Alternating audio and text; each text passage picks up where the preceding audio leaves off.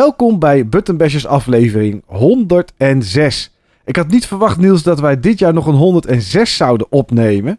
Want ik denk, het wordt eindejaarsuitzending en dat is hem. Maar we drukken er toch nog even eentje tussendoor. Ja, we hadden daar een goede reden voor. Al ben ik die nu, as we speak, vergeten. Maar ik denk dat het Ja. met ja, Game Awards Iets of zo met- te maken had. Eh, ja, maar die zijn eh, de 9e december pas. Dus ik heb echt geen idee. Nou ja, maakt niet uit. Eh, als de luisteraars het prima vinden, dan vinden wij het ook prima. Ja. Ja, zo, zo is het. Eh, vandaag hebben we een gast die schuift iets later aan. En dat gaat vanwege het hoofdonderwerp eh, over gamebeurzen. Daar eens even een kijkje in, in die, in die wereld nemen. Ehm, maar ja, goed. Dus we zijn een beetje op de klok, Niels. Dus ik vraag alleen, hoe is het? Het is goed, Mike. Kijk, lekker. Met mij ook. Kunnen we door? Hebben we dat, stukje, geha- hebben we dat stukje gehad? Ehm game-gerelateerde events. Ja, ik ben ehm, naar een gamebeurs geweest. En ik dacht eerst, ik ga dat nu niet vertellen. Dat hou ik voor het hoofdonderwerp. Maar ja, ehm, de gast die aanschuift, die heb ik daar niet eens gezien. Dus ja, dat heeft niet zo heel veel, heel veel nut. Maar ik ben naar ehm, de gamebeurs geweest. Naar de retrobeurs in Hengelo. En dat was de tweede editie die daar gehouden werd. En gelijk aansluitend op het hoofdonderwerp Niels, waarom weten wij nooit de namen van de retrobeurzen? Want ze hebben allemaal wel een naampje. Mhm. Maar weten we eigenlijk alleen de locatie? Ehm, nou, volgens mij waren er in het begin retrobeurzen die met name een locatie in de naam hadden. Je had de retrobeurs Tilburg en de retrobeurs Deurne. En de retrobeurs met, ja, die met die stolp. Waar zat die ook weer? Ja, in Apeldoorn. Ja, heette die niet ook gewoon Retrobeurs Apeldoorn? Ah, of wat- hebben we dat nee, zelf was gewoon de- gemaakt? Ja, het hebben we er zelf van gemaakt. was gewoon de Oh. Bonami Retrobeurs volgens mij of zo heette het. Ja. Alleen ze zetten natuurlijk vaak wel de naam erin. Net zoals eh Jur die straks aansluit. Die is van Huppel de Pub, Con, Beurs, Retro Ding iets. Ik weet niet eens hoe het heet. En dan Zwolle. Nou, dat zegt iedereen ook eigenlijk. Hè? Ik ga naar Zwolle of ga je nog naar Hengelo? Ga je nog naar Tilburg? Ja, Ja. dat is denk ik gewoon makkelijk of zo. Nou goed, eh, de gamebeurs in, eh, in Hengelo. Als jullie luisteren, jongens, sorry, maar het namen, het is eh, een ramp. En daar ben ik niet alleen geweest. Daar ben ik samen met Dolby Visual geweest. Met Benjamin van het Forum. En ja, dat is voor, ehm, voor de game documentaire reeks van hem, zeg maar, over game rooms. Ja, en dat, omdat ik nu een nieuwe heb, ja, kwam hij die dag filmen. En dat liep, kwam eigenlijk wel mooi uit om eens even naar de gamebeurs te gaan in, in Hengelo. En ja, daar ben ik geweest. En dat was. Ik, ik ben een lange tijd niet geweest, Niels. Ben jij na corona nog geweest eigenlijk? Nee, ja, als je Gameforce meetelt, tel ik niet. Maar daar stond Jurg met een retro game kraam. Maar ik Ja. ben niet specifiek naar een beurs geweest meer. Oké, oké. Nou ja, ik ook niet. Ik ben er echt al heel lang, eh, heel lang niet meer geweest. En ja, dus dit was eigenlijk wel weer eens een keertje, eh, wel weer eens een keertje leuk om daar naartoe te gaan. Ik had me anders voorbereid dan normaal. Ik had namelijk gewoon een lijstje gemaakt met games die ik wilde kopen. Nou, dat is, dat is op zich eh, nooit zo mijn ding geweest. Meestal ga ik er gewoon naartoe en wilde ik vroeger alles PlayStation 1 hebben. Nou ja, dat past allemaal niet meer en slaat natuurlijk nergens meer op met de prijzen van tegenwoordig. Dus ja, dat heb ik eigenlijk niet gedaan. Ik had echt een lijstje gemaakt met games die ik wilde hebben. En ik heb daar vooral de Buttonbashers podcast voor geraadpleegd. Ik ben wat Hidden Gems gaan luisteren. Ik ben wat Game Talks gaan luisteren om te kijken welke games langskwamen. Die jij bijvoorbeeld ehm, aanraden om te gaan spelen. Of die Steve ooit aangeraden heeft om te gaan spelen. En daar heb ik een selectie uitgemaakt. Heb ik prijzen bekeken op eBay en op webshops. Wat het een beetje gemiddeld kostte. En daar ben ik naar op zoek gegaan. En ik moet zeggen, dat is best wel leuk. Behalve als je net zoals ik games zoekt voor Xbox, Xbox 360, PS2, Nintendo DS en PS Vita. Dan ben je bij elke kraam ben je gewoon een half uur bezig om door al die games heen te banjeren. Ja, Ik, ja, ik eh, weet ook niet of dat voor mij de manier is, Niels, eh, vanaf nu. Maar Nee. goed, ehm, het was wel leuk en gezellig, moet ik zeggen. Ehm, hier en daar wat bekende gezichten, wat mensen van het forum. Ehm, wie heb ik gezien? Nou ja, natuurlijk Dolby Visual, eh, want die was bij mij. Eh, of daar was ik mee samen. Eh, Dennis van, van voorheen op het forum, zeg maar. Die ook gewoon Dennis heette. die niet was old daar. school, maar Dennis. Nee, echt Dennis Dennis. Ja, Dennis ja Dennis. met een meisje met grote frikandellen had hij ooit in zijn handtekening staan of zo. Ja. Ik, met zo'n frikandel XL. Ja, die inderdaad. En ehm, er zat een jongen naast die ook nog op het forum komt. En die gaat deze aflevering denk ik wel luisteren. En het is iets met een afkorting en ik weet het niet meer. Sorry daarvoor. Eh, King of the Rain heb ik gezien. Toe Jam heb ik gezien. En zo, eh, ja, dan is dat toch best wel weer gezellig, Niels. Het is, Hm. het is, Hengelo is niet heel groot. Het is, het is redelijk eh, knus. Waarmee je ook misschien zou kunnen zeggen krap. Maar ja, weet je, het is, het is niet bijvoorbeeld de Bonami-bus in Apeldoorn. Dat was in een sporthal op een gegeven moment. In het begin niet, maar uiteindelijk werd het in een sporthal. Hele felle lichten, heel kaal. Echt een, echt een grote gymzaal, zeg maar. Weinig sfeer. Dat is hier wel anders. Er is een podiumpje bij. Eh, in de zaal zelf zit de catering. Eh, volgens mij ligt er iets van, nou ik weet niet of de vloerbedekking ligt, maar zo voelt het wel, zeg maar. Gordijnen aan de zijkant. eh, echte lampen aan het plafond, niet TL-balken. Ja, en dat geeft wel een heel erg, ja, een heel erg leuk gevoel, zeg maar. Een beetje, ja, alsof je in een oude school loopt of zo. Dat is het een beetje. Dus ja, eh entree 5 euro, eh 2,50 voor parkeren. Dat was de vorige keer gratis. Toen zat het erbij in. Nu was dat niet. Nou ja, goed. eh, maakt niet zo heel veel uit. Maar ja, ik dacht eerst van, hé, hey, raar bedrag. Maar ja, dat was voor het parkeren erbij. En eh, ja, daarna was het games zoeken eigenlijk. En dat heb ik eh, geprobeerd. Met nu dus een lijstje. Dus je wist van tevoren, ik ga op zoek naar, noem maar wat, een Ja. stuk of zes games of zo. Ja, ik had daar een stuk of tien games op staan, denk ik. En dan ook nog wel prijzen erbij. En ehm, van ga ik dit kopen of ga ik dit niet kopen? Ik had bijvoorbeeld erop staan ehm, Otogi en Otogi 2. Daar heeft Steve het ooit eens over gehad. Hm. in een Hidden Gems uitzending. Het zijn From Software games. Die heb ik nog eens een keer bekeken. En die vond ik echt wel interessant. Alleen dan... Ze zijn niet super goedkoop. Otogi ongeveer rond de 60. Otogi 2 ongeveer rond de 75 euro. En toen vond ik op een gegeven moment Otogi 2. Voor 60 euro. Nou, op zich dan een, een mooi bedrag. Maar hij miste de handleiding. Die Hm. ga ik nooit lezen. Maar het voelt toch niet compleet. Als je hem dan op die manier koopt. Dus ik heb hem laten staan in de bak. Ik ben doorgegaan. Ik ben gaan kijken. En uiteindelijk heb ik hem toch niet gekocht. En daar baal ik nu misschien toch stiekem een beetje van, Niels. Ja, dat, eh, dat herken ik. Ik heb ze ook wel eens ooit wat games laten staan. Ooit een... Ik wilde heel graag Moonwalker op de Mega Drive. Mhm. En die werd steeds- steeds duurder en duurder. Ik denk dat elke keer als ik hem tegenkwam, was hij weer 5 euro duurder. Ja. En op een gegeven moment heb ik hem toch maar gekocht zonder handleiding. Ja, nu heb ik Ja. hem in ieder geval in de kast staan. Hè? Ik heb hem ook al gespeeld, maar handleiding... Zoals je zegt, ja, wat doe je ermee, weet je wel? Je checkt of dat hij er is en of dat hij nog in orde is. En ik lees zelden of nooit een handleiding van een game die ik op een retrobeurs koop. Nee, ik ook niet. Maar het is voor het gevoel dat hij dan niet compleet is. En ja, hij is dan 15 euro goedkoper dan waar ik hem op eBay of zo voor zag staan. Of op, of op een webshop. Ja, dan neem ik hem toch niet mee. Gek is dat, hè? Maar ja, goed. eh, de volgende keer dat ik hem zie staan en hij is minder dan 75, als de prijzen inmiddels niet weer omhoog zijn gegaan natuurlijk.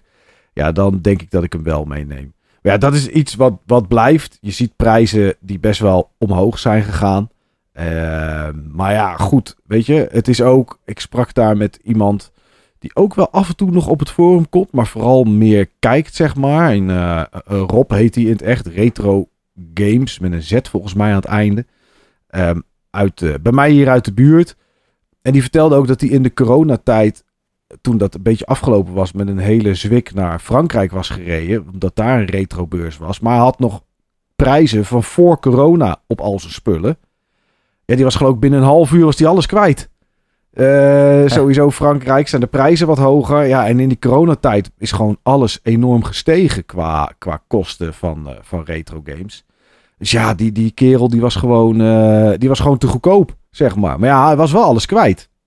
Dat is ook lekker. Ja, dat is, dat is dan ook weer lekker. Dus, maar goed, ben ik nog met dingen naar huis gegaan? Jazeker. Ik heb ehm, helaas één game dubbel gekocht. Waarvan ik twijfelde of, of ik die had.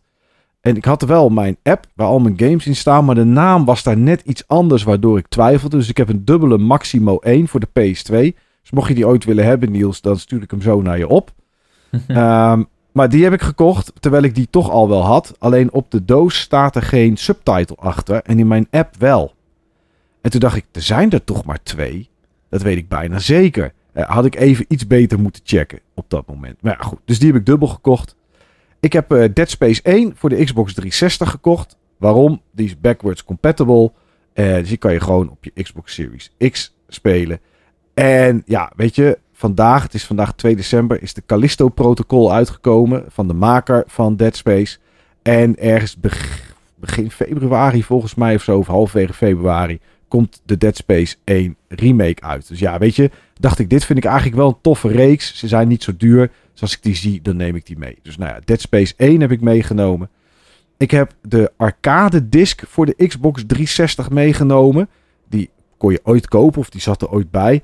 Um, en daar zit een gamepje op die ik heel graag wilde hebben. Omdat die in het, uh, op het Buttonbashers forum hebben we zo'n topic over top 25 uh, Xbox 360 games die wij uh, tof vinden, zeg maar. Met een aantal mensen die zich hebben opgegeven. En ja, daar, daar zat volgens... Ik zou niet eens weten. Ik zal, ik zal hem even pakken. Waar ligt hij naast me? Ik weet niet eens meer welke game dat was waarvoor ik hem nou eigenlijk gekocht heb. Oh jawel, ik weet het wel. Ik zie het gelijk. Pac-Man Championship Edition. Die staat erop. Ah, ja. Dus daarvoor, uh, daarvoor heb, ik die, heb ik die gekocht. En ik heb Ninja Blade voor de Xbox 360 gekocht. Ken je die? Um, ik zit te denken, even van naam sowieso, maar er komt even niks naar boven van hoe de game speelt. Nou ja, het is, het is behoorlijk hack en slash. Ik moet het nog spelen. Je zou dus kunnen zeggen dat het een soort Devil May Cry-achtige game is. Maar uh, van From Software. En ik dacht van, dat vind ik wel interessant. Die heb ik nog nooit gespeeld. Het ziet er wel interessant uit. Ja, weet je. En hij kostte volgens mij een tientje of 15 euro. Ja. Dus, ja, ja, goed. Weet je, daar neem ik hem wel voor mee. Um, en ik was naastig op zoek naar Eternal Ring voor de PS2. Uh, hey, Eternal Ring, dat klinkt wel een beetje als Elden Ring. Nou ja, is toevallig ook From Software. En is ook een uh, redelijke actievolle game. Alleen die kon ik nergens vinden. kwam wel Toe Jam tegen. Die heeft met zijn vrouw een, webshop. En of misschien zelfs tegenwoordig ook een fysieke winkel, zeg ik even uit mijn hoofd. En die hadden hem daar liggen, maar hij was weg. En die hadden hem voor vrij goedkoop, volgens mij voor een euro of 8 of 10 liggen, terwijl die 20 is. Nou ja, goed. Maakt niet zo heel veel uit. Blijft gewoon op het lijstje staan en neem ik nog wel een keer mee. Ja, en voor de rest heb ik niet zoveel gescoord. Dus ik kwam met vier gamepjes thuis of zo. Of vijf gamepjes, misschien dat ik iets gemist heb. En ja, daar was ik eigenlijk wel tevreden mee. Ik ging naar huis met dingen die ik ja, die ik wilde hebben. En dan is dat eigenlijk een veel beter gevoel dan dat je iets koopt om je kast uh, mee te vullen. Ja, zeker. Ja, ja, en waar had je die prijzen dan vandaan? Uh, eBay had ik gekeken. Ik had op CEX gekeken. Dus uh, op, op Sex of CEX of hoe je het ook moet uitspreken. Hier WeBuy heet het tegenwoordig. Uh, WeBuy.com en webshops. En nou ja, sommige webshops zeggen van dit is de prijs, maar we hebben hem niet op voorraad. En andere staat hij er gewoon niet als ze hem op voorraad hadden. En dan ben ik gewoon een beetje een gemiddelde gaan nemen. En dat heb ik aangehouden. En dan blijkt dat dat soort prijzen eigenlijk ook is wat je op, op de beurs ziet liggen. Dus ja, er is niet heel veel dat je denkt dat is een enorm, enorm koopje. Maar uh, ja, weet je, als ik ze daar kan kopen voor hetzelfde bedrag dat ik ze online kan kopen, vind ik het op zich prima. Want ja, goed, ik heb altijd de keuze om ze niet te kopen natuurlijk. Ja. Maar uh, ja, dus daar heb ik eigenlijk een beetje gekeken. En had ik gewoon opgeschreven, ja, Dead Space 3, uh, 20 maximaal. Weet je, als die dan ligt voor 25, nou, dan, dan hoef ik hem niet mee te nemen. Want dan kan ik hem online goedkoper kopen. Dus dat is eigenlijk een beetje hoe ik, uh, hoe ik die prijzen heb, uh, heb bekeken. En uh, een beetje heb berekend, zeg maar. Nou, dus... Maar goed, leuke ervaring. Leuk om door al die games weer eens heen te gaan. Zoveel te zien dat je niet, nou ja, niet kent of niet meer weet. Leuk om met, met mensen van vroeger weer eventjes te kletsen. Of mensen van nu nog steeds van het forum. Dus ja, het was eigenlijk een geslaagde ochtend. Ik was er langer dan dat ik dacht eigenlijk.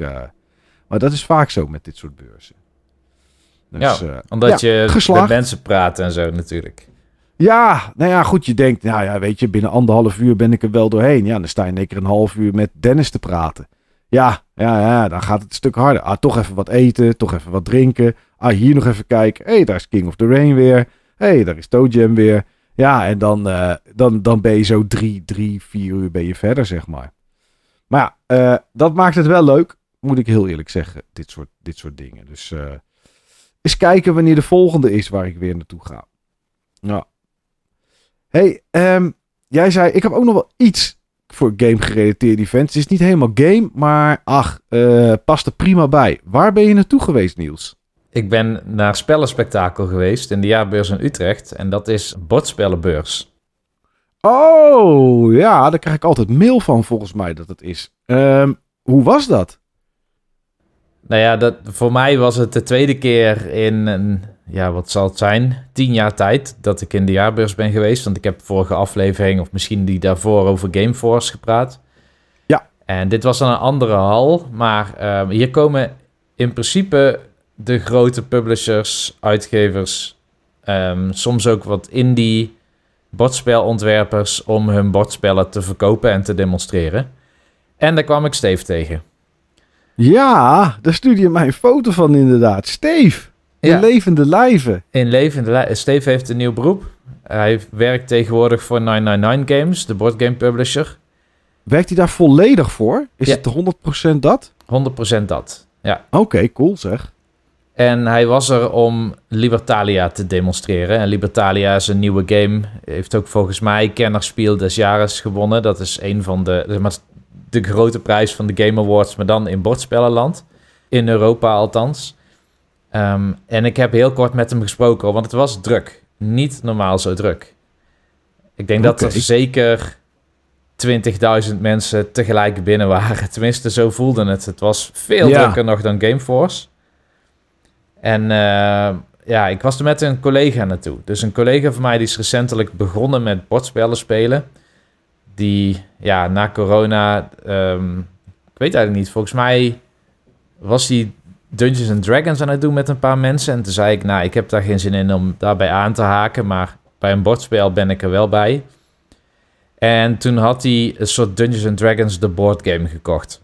Nou, dat is ah, super saai. Ah, ik denk, ik, me ik meng het gewoon. Oh, oké. ik denk, hij mengt het gewoon en dan heeft iedereen zijn fix. Maar uh, nee, niet dus. Nee, het is eigenlijk een soort dungeon crawler, maar het is heel... Ja, laten we zo zeggen, er zitten een aantal regeltjes aan en die ondermijnen het gevoel dat je een dungeon crawler aan het spelen bent. Zoals je een hmm. videogame zou spelen. Ja, dus ja, oké, dat is wel jammer. Ik heb dat spel twee keer gespeeld of zo en ik doe het dan meer voor de sociale omgeving. En uh, soms dan nemen we mee naar Klein Berlijn, wat een uh, café is in Utrecht.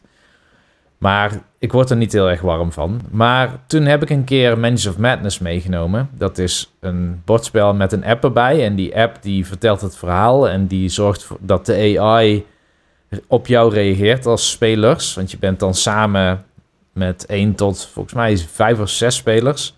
Ben je eigenlijk een mysterie aan het ontrafelen. En het is een soort van escape room-achtige feel die die game geeft. Met bovennatuurlijke krachten, Lovecraftian horror en nou ja, een hoop puzzels om op te lossen. Oké. En toen is bij hem een knopje omgegaan. En nou, elke keer als ik hem tegenkom, heeft hij weer een nieuw spel. En hij belde dus laatst: Ga je mee naar Spellenspectakel? Zodoende dat we daarheen zijn gegaan. Oké. Denk je, denk je, je zei van het was super druk. Zou dat ook, net zoals de prijzen op de retrobeurs, een corona-ding zijn? Hè? Want volgens mij zijn toen best wel veel mensen bordspellen gaan spelen thuis. Omdat ze natuurlijk thuis mocht, mocht, moesten zitten met avondklokken en dat soort dingen. En eh, op een gegeven moment natuurlijk ook ja, dat er twee mensen, maar was het advies in ieder geval, twee mensen bij je over de vloer mochten komen. Uh, zou, zou, denk je dat dat ermee te maken heeft, hè? dat mensen toen meer bordspellen zijn gaan spelen? Ik denk zeker dat het een invloed heeft. Maar bordspellen is ook best wel breed geworden. En was ook breder op deze beurs dan dat ik had verwacht. Dus niet alleen had je bordspellen, maar je had dus ook zeg maar die tabletop roleplaying. Zoals Dungeons mm Dragons en andere dingen. En je had Warhammer, Wargaming. En er zijn best wel wat bedrijfjes waar je bijvoorbeeld on-demand poppetjes kan laten printen met een 3D-printer je eigen ontwerp of een ontwerp van die winkel. En er zijn zelfstandige ontwerpers voor poppetjes en zeg maar tile sets en dat soort dingen voor dit soort roleplaying games. En die zaten er ook allemaal. En de bordspellenwinkels. En dat zijn natuurlijk ook een aantal. En zo Ja. maak je nogal snel een hele beursvloer vol. En sta je eigenlijk non-stop zo'n beetje in de rij of je staat te kijken naar andere mensen die spellen aan het proberen zijn. Dus ik heb zelf helemaal niks gespeeld op die beurs. Ik heb ook helemaal niks gekocht op die beurs. Ik heb, Oké. het, ik heb het wel overwogen, maar ja, ik speel eigenlijk zelf, tenminste ja, met, met mijn broer en eh Nesrunner, weet je wel, van het forum. Ja. Speel ik eigenlijk nog maar één bordspel. Eigenlijk ieder, eerder een kaartspel. En daar heb ik al genoeg tijd in zitten en genoeg geld in zitten... dat dat gewoon mijn focus is. En dan ga ik met mijn collega's wel andere spellen doen. Hmm, snap ik, snap ik. Heb je wel nieuwe dingen gezien? Bijvoorbeeld dat spel wat Steve aan het promoten was. Of andere spellen die wel heel erg aantrekkelijk waren. Dat je denkt, oeh, verleidelijk, maar ik doe het toch niet. Nou, nee, eerlijk gezegd niet. En Oh. dat komt omdat mijn, mijn smaak qua bordspellen is inmiddels zeg maar heel gespecialiseerd. En een jaar of tien geleden, toen was dat nog heel erg onderzoekend. Hè. Ik wilde van elk genre iets hebben.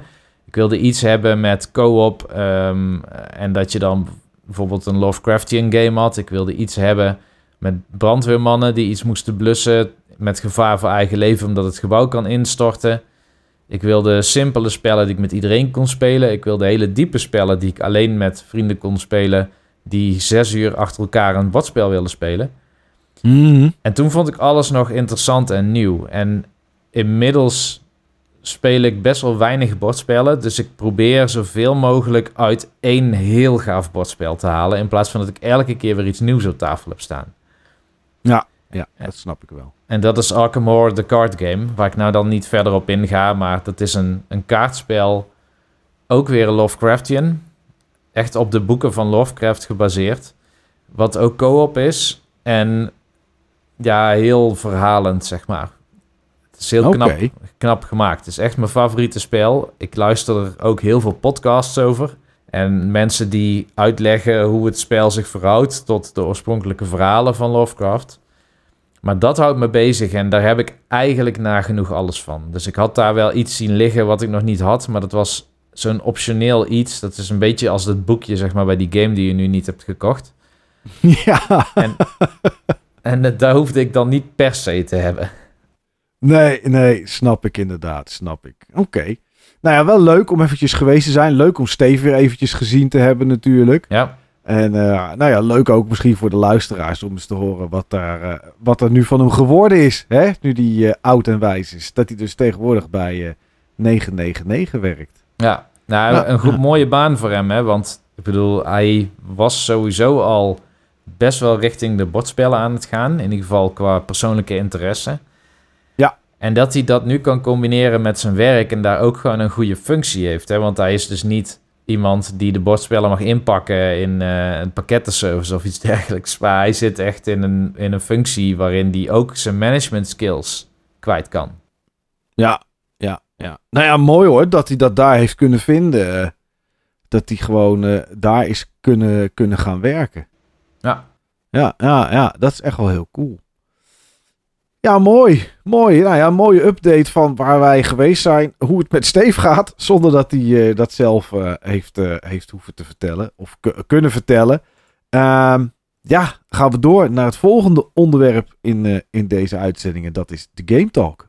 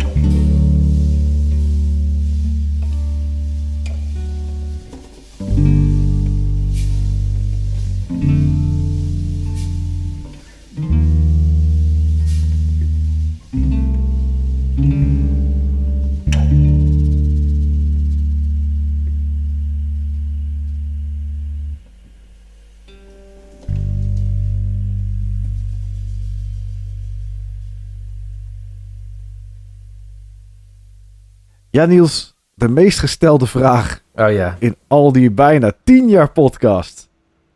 Wat heb je gespeeld? Ik heb Star Wars Knights of the Old Republic gespeeld. Oh, op de Switch? Ja, klopt. De remaster dus. Ja. De remaster Hoe, is ook eh, op is PC uitgekomen trouwens. Dus eh, die is niet alleen voor Switch uitgekomen, maar ook op eh, Steam. Ehm, en op Xbox niet. Eh, dus als je die daar zou spelen, dan speel je de backwards compatible versie van de originele versie. Dus dan heb je gewoon een, een 3 staat tot 2 beeldverhouding en onscherpe AR, eh, UI. Ja. Maar de Switch versie heeft nieuwe textures, eh, dingen opgepoetst. eh, 16 staat tot 9 beeldverhouding, et cetera. En bugs, maar ja. Ik wou net zeggen, is dat ding alweer in orde? Want daar was geloof ik een hoop mis mee. Er is wat mis met geluid. Dus tijdens cutscenes staat het geluid echt twee keer harder dan in de rest van het spel. Wat heel irritant is.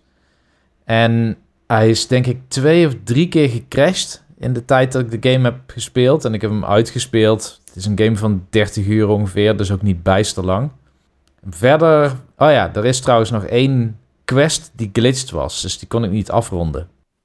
Oké, oké. Ja, ik, ik zit hier te lezen. Het was in Knights of the Old Republic 2. Daar zat een game-breaking bug in. Maar dat is ergens in juli of zo is dat gefixt. Ah ja, Maar dat, dat stond nog in mijn geheugen, zeg maar. Volgens mij is het toen ook een tijdje even uit de, uit de shop gehaald of zo. Dat je hem niet kon kopen totdat het ding gefixt was. Er is iets mee aan de hand geweest. Maar goed, dat is nu in ieder geval opgelost dus. Ja, dat is opgelost. Er is nog steeds wel een mogelijke game-breaking bug. Er is een kamer richting het einde van de game, echt de laatste paar uur. En er zit een puzzel in die je niet op kan lossen, maar je kan ook niet terug. Je kan niet uit die kamer. Dus als je daar saved over je enige save game, nou dan, ehm, dan, dan ben je genaaid. Oké, dan moet je opnieuw beginnen dus. Ja. Oké. Wat, wat je misschien vroeg of laat toch wel een keer doet, maar ja, dat is natuurlijk heel erg zonde en zuur. Ja, ja, ja, ja. Ja, eh, vertel eens. eh, wat is het? Is het leuk nog steeds? Is het de moeite? Ik heb dit namelijk nooit gespeeld. Alle twee niet. Ja, ik vond het heel leuk om te spelen. Ehm, het is echt een goede game die nog steeds heel goed speelbaar is en nog steeds tamelijk modern aanvoelt in sommige aspecten. Het is wel echt een prototype BioWare game. En dat wil dus zeggen dat je eh, een soort template wel aanvoelt. Het is duidelijk een proeftuin voor wat later Mass Effect is gaan worden. Ja, daar had je het Paragon systeem en hier heb je natuurlijk de light side en de dark side of the force. Ja. En wat daar het nadeel aan is, ga ik zo wel even uitleggen. Maar wat ik mooi vind aan deze game, is dat het, het heeft mij een kijkje gegeven in het leven van een Star Wars fan. Ja, want eh, jij, ik weet, daar zat ik net aan te denken. Jij kijkt natuurlijk eigenlijk nooit films. Hoeveel Star Wars knowledge heb jij, zeg maar? Nou, ik heb denk ik negen of tien films gezien. Ik heb dus Oh, die drie trilogieën gezien en had je Rogue One of zo. Ja, Dus dat heb ik allemaal wel gekeken. Oh, oké, oké. En dat is nou het probleem zeg maar, met Star Wars. Kijk, voor mij is Star Wars, of eigenlijk alle Star Wars films, zijn eigenlijk vrij simpele films. Je hebt Ja. de goede en je hebt de slechte. En de hoofdrolspeler die wint uiteindelijk. Dat is elke film. Ja, ja, ja. En het kwaad lijkt veel erger en, eh, dan, dan wat het goede aan zou kunnen. En toch wint het goede. Ja, dat klopt. En Ja. wat mij dan altijd zo verraste, is dat je de Star Wars fans hebt. En die konden die rollen echt roleplayen. En die, die wisten zoveel over die karakters. Waarvan ik dacht, maar waar zit dat dan in die film? Dat kwam toch Ja. helemaal nergens voor? Nee. En voor mij, als ik zo'n film kijk, die personages die bestaan maar zo lang als dat ze in de film zitten en dat ze ontzet zijn. Ja. Als ze eraf zijn, kijk, ik vraag me nooit af of ze tussendoor bijvoorbeeld ooit naar de wc gaan of gaan internetbankieren, weet je wel. Want daar gaat die film ook helemaal niet over. Nee. Dus er zit geen continuïteit in. Ze zijn, alleen, ze zijn er alleen als ik ze zie. Ja, En in de En volgende dan film... doen, ze wat, dan doen ze wat jij ziet en dat is het. Ja, en in de volgende film zitten misschien weer andere hoofdrolspelers. Dus dan gaat het weer over iemand anders. En voor mij miste dus die continuïteit. Dus waar sommige mensen een heel levendig beeld hebben van Star Wars, is bij mij Star Wars alleen dat wat ik echt heb kunnen zien in die films. Ja. En wat dan mooi is van de Star Wars Knights of the Old Republic, is het is eigenlijk in feite een Star Wars film van 30 uur lang. Ja. En het is net zo, zeg maar, plat als verhaal als een Star Wars film, zo voorspelbaar als een Star Wars film. Alleen hier zit er wel continuïteit in, want jij doet alles in die games. Er zitten nog steeds Ja. natuurlijk, eh, ja, je ziet ze nog steeds niet naar de wc gaan of internetbankieren, maar er gebeurt meer. In de gesprekken met de NPC's vat je veel meer op over. Ik, ik wist niet eens wat de Sith waren na tien films. Ik wist dat ze er waren en dat ze zo worden genoemd, maar waar ze vandaan kwamen, waarom ze zo worden genoemd, waarom ze slecht zijn volgens de films, zeg maar. Dat was Mhm. voor mij echt alleen maar een vraag. En ik maakte mij ook niet uit, want ja, ik snap die film wel. Je hebt gewoon goed en slecht een hoofdrolspeler die wint. Dus Ja. je hoeft ook niet meer te weten om die film te kunnen volgen. Maar die games dus, die gaan dus in eigenlijk zeg maar heel die backstories van de Sith, van de Jedi, van... eh het speelt zich volgens mij ook af voor alle films. Ja, ik weet niet waar het zich in de, in de tijdlijn eh, eigenlijk afspeelt, eh, moet ik heel eerlijk zeggen. Ja, ze hebben in ieder geval bewust het losgemaakt van de film qua verhaal. Mhm. Het enige raakvlak, of ja, er zijn een paar hints zeg maar naar Star Wars, maar je hebt ehm, Tatooine als planeet waar je onder andere naartoe gaat. In deze game heb je meerdere planeten waar je naar kan toegaan, zeg maar. En daar heb je ook een aantal companions bij je. En die companions die zijn dan of meer leunend naar de dark side of meer naar de light side. En nou ja, daar kun je leuke combinaties tussen maken die dan allemaal commentaar geven op je acties. Maar ja, wat ik leuk vind aan deze game is, je, je kan in het begin kiezen wat voor soort persoon je wilt zijn. Dat heb je wel vaker met die BioWare games van bijvoorbeeld, eh, hoe heet die, Dragon Age. Dan kon je kiezen, wil je een Ja. mage zijn of wil je een, eh, wat had je nog meer? Nou ja, Ja, iets met een zwaard, iets met een healer, een beetje de standaard classes. Dat, en dat heb je hier ook. Maar hier heb je de scout en de soldier en de scoundrel. En de soldier is gewoon heel erg toegespitst op combat. Eh, de scout die is een soort allrounder. En de scoundrel die is heel slecht in combat. Maar die kan bijvoorbeeld hacken. En die is misschien wel beter in met, met mechanische dingen. Met computers of zo. En persuasion. Dus ik koos die. Want ik dacht, nou ja, ik vind het altijd wel leuk als je in een spel niet alles kapot hoeft te slaan. Maar dat je bijvoorbeeld ook kan bluffen of kan liegen. Ja, ja. En dus ik was een scoundrel en eh, verderop in het spel kun je natuurlijk kiezen wat je light side of wat je dark side. En dan kun je nog verder subspecializen tot een, ik was dan uiteindelijk light side, dus dan word je een scoundrel, Jedi en dan consulent of zoiets was ik dan. Omdat eh, je krijgt dan een soort personaliteitstestje van Mhm. hoe los jij als Jedi dit conflict op? En ik probeerde elke keer de combat te vermijden. En daar heb je dus ook een specialisatie in. Oké. Nou, waarom vind ik dat dit spel, net als Mass Effect, gewoon niet goed kan omgaan met die dualiteit, met die evil versus good of zo systemen? Dat is omdat in dit spel krijg jij light points en dark side points. En die kun je investeren in skills. En er, sommige skills lenen zich beter voor dark side. En sommige skills lenen zich beter of zijn zelfs exclusief voor light side. Alleen op het moment dat jij in het begin van het spel een paar dingen light side hebt gedaan, waarom zou je dan nog dark side kiezen? Je loopt dan al achter in dat Ja. segment. Dus ja, dat ga je nooit meer bijwerken om, om, om daar ook goed genoeg en sterk in te worden voor waar je op dat moment zit in de game. Nee, dus het spel dat beloont jou om gewoon vast te houden aan de keuze die je eigenlijk bij je eerste encounter zo'n beetje hebt gemaakt. Want dan speel je het optimaal. Ja. En er is geen enkele reden, en dat was Mass Effect was er erger in. Ehm, er is geen enkele reden om niet 100% light side, dus echt de meest goody two shoes die je maar kan bedenken te zijn, of de meest cartoonishly evil dark side persoon te zijn. Want alles daartussenin levert jou niks op. Levert geen punten op. Nee. En, en dat Nee. is wat die BioWare games altijd ja, zo, zo binair maakt of zo. Het, is, het lijkt alsof je heel veel vrijheid hebt en choose your own adventure. Maar je hebt eigenlijk maar twee opties. En het liefst doe je elke keer precies hetzelfde. Het is meer raden welke dialoogoptie de slechtste of de beste is, zeg maar. Wat dan wel grappig is trouwens, is KOTOR 2 is door Obsidian gemaakt. Ja, dat, dat klopt, ja. Dus ik ben heel benieuwd naar die game. Ik heb hem nog niet, maar die wil ik ook wel eens spelen. Want Obsidian is wat vroeger Black Isle was. Dus toen ze nog aan Ja. Baldur's Gate werkten, toen, ja, BioWare was BioWare. En Black Isle ging een aantal mensen die uiteindelijk Obsidian eh zijn gaan oprichten.